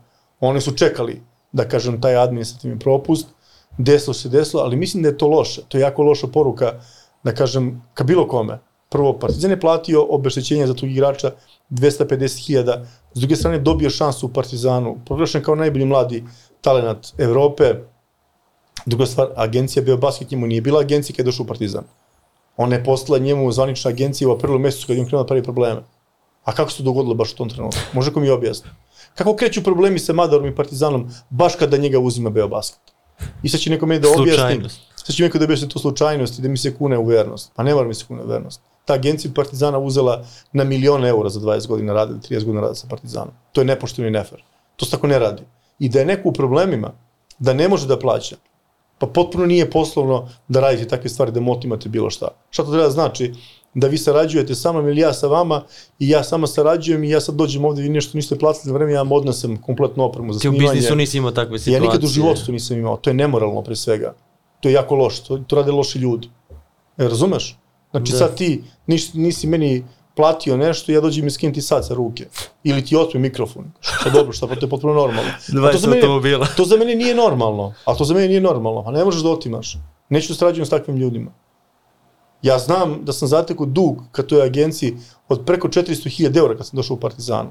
Da je ona sve ove godine 95% svojih obaveza smo platili i taj dug od 400.000 eura u reprekomu platili smo preko 300. To sam ja prihvatio, to sam ja, to sam ja našao taj novac ovim ljudima tamo koji su klubi platili. Jesu mi zaslužili taj tretman? Nismo. Hoćemo da sarađujemo s takvom? Ma nećemo. Neki je jedine na svetu, neću. Jednostavno neću, to je moj poslovni princip u životu. Ne možeš da gaziš po Partizanu i ne možeš da gaziš po... mi to nismo zaslužili. Zaista nismo zaslužili. Ako neko ko radi u Partizanu nema razumevanja i svima je sve plaćeno, svi su se naplatili, niko nije ostalo da se nije naplatio. I te trinkjeri koji je otišao na način na koji je otišao, što je sačekao 12 i 5, o tome ću tek nekada pričati, da pošalje raskid ugovora da bi otišao bez obeštećenja u Bayern, je nepošteno izašao, ja sam o tome pričao. I to su dva čoveka koja su, na, znači, za, za šest godina moga rada u Partizanu, dva čoveka su na nepošten način izašla. To je Trinkieri i to je Madar. A Partizan ni kod jednoga ni kod drugoga nije bio zaslužio na takav način da izađu. Jednostavno nije bio zaslužio. I ja jednostavno preko takvih stvari ne prelazim i to je jednostavno, kako kažem, protiv onoga što ja mislim da u poslu treba da se dešava. Ljudi treba da se poštuju, treba da se razumeju. Znači, ne treba da čekaš nekad tuđu grešku ili tuđi loš trenutak. Pomogni čoveku. Slobodno, pruži mu ruku. Daj mu ruku, pa će i on tebi da da nekad ruku. Moraš da veruješ ljudima. Ja sam imao pre neki dan situaciju da čovek iz mog djetinjstva je za, zapao probleme i traži da mu pomognem. I kaže meni, pa doneću ti uh, nešto što će ti garantovati da mi pomogneš. Ja se nasmijem i kažem, vidi, ja znam dobro ko sam i znam dobro šta sam i znam ko si ti i znam gde si pogrešio. Ja ću ti pomognem, ne, ne mora niko da mi garantuje. Ja sam sebi garancija. Ne moraš ti mi garantuješ ništa, apsolutno. Ti si garantovao što si mi bio uvek iskreni prijatelj u životu. A šta treba, da se ne telefon? Ja sa svim svojim drugovim iz detinjstva ne znam kome nisam pomogao. I zaista sam ponosan na to. Ali siguran sam da bi i oni svi pomogli meni. Možda neki ne bi, ali većina bi. Ja sam zaslužio da mi pomogu. A da dođe neko da ti zatvori, da ne kažem zadnjicom vrata i da kaže pa mi smo saradnici, pa nismo saradnici. Ne možemo sarađivati na takav način. Ja na takav način neću sarađivati. Ni da se ja ću ti jednom oprostim u životu. Ali dva puta da ti praštam, to ti postaje praksa. Nećemo tako da radimo. Znaš, kad izgubiš dostojanstvo, izgubiš obraz, izgubiš i sve. Zašto ti novac? Da se stidiš sebe kad pogledaš u gledalo. Da se stidiš kad pogledaš sebe i kažeš sebi ja sam taj, taj koji je prihvatio sve te kompromise u životu i koga su svi gažali, gazili i podaštavali. Šta će ti novac? Gde ćeš s njim? Šta će da kupiš što s njim da pojedeš, što ne mogu da kupe drugi? Pa svi ćemo isto završiti jednog dana. Svi nam je isti kraj. Bitno je samo kako smo živeli. Smo živeli ko ljudi ili smo živeli ko stoka. Nema neke razlike u životu, verujem mi. Dobra poruka za kraj. A jeste. Ostoja, Ako je kraj. Ostoja, hvala ti što si bio gost Biznis priča, što smo prošli ceo taj put, razjasnili neke stvari. Hvala tebi na pozivu i zaista želim puno sreće i pogledao sam par tvojih emisija i mislim da imate svetlu budućnost.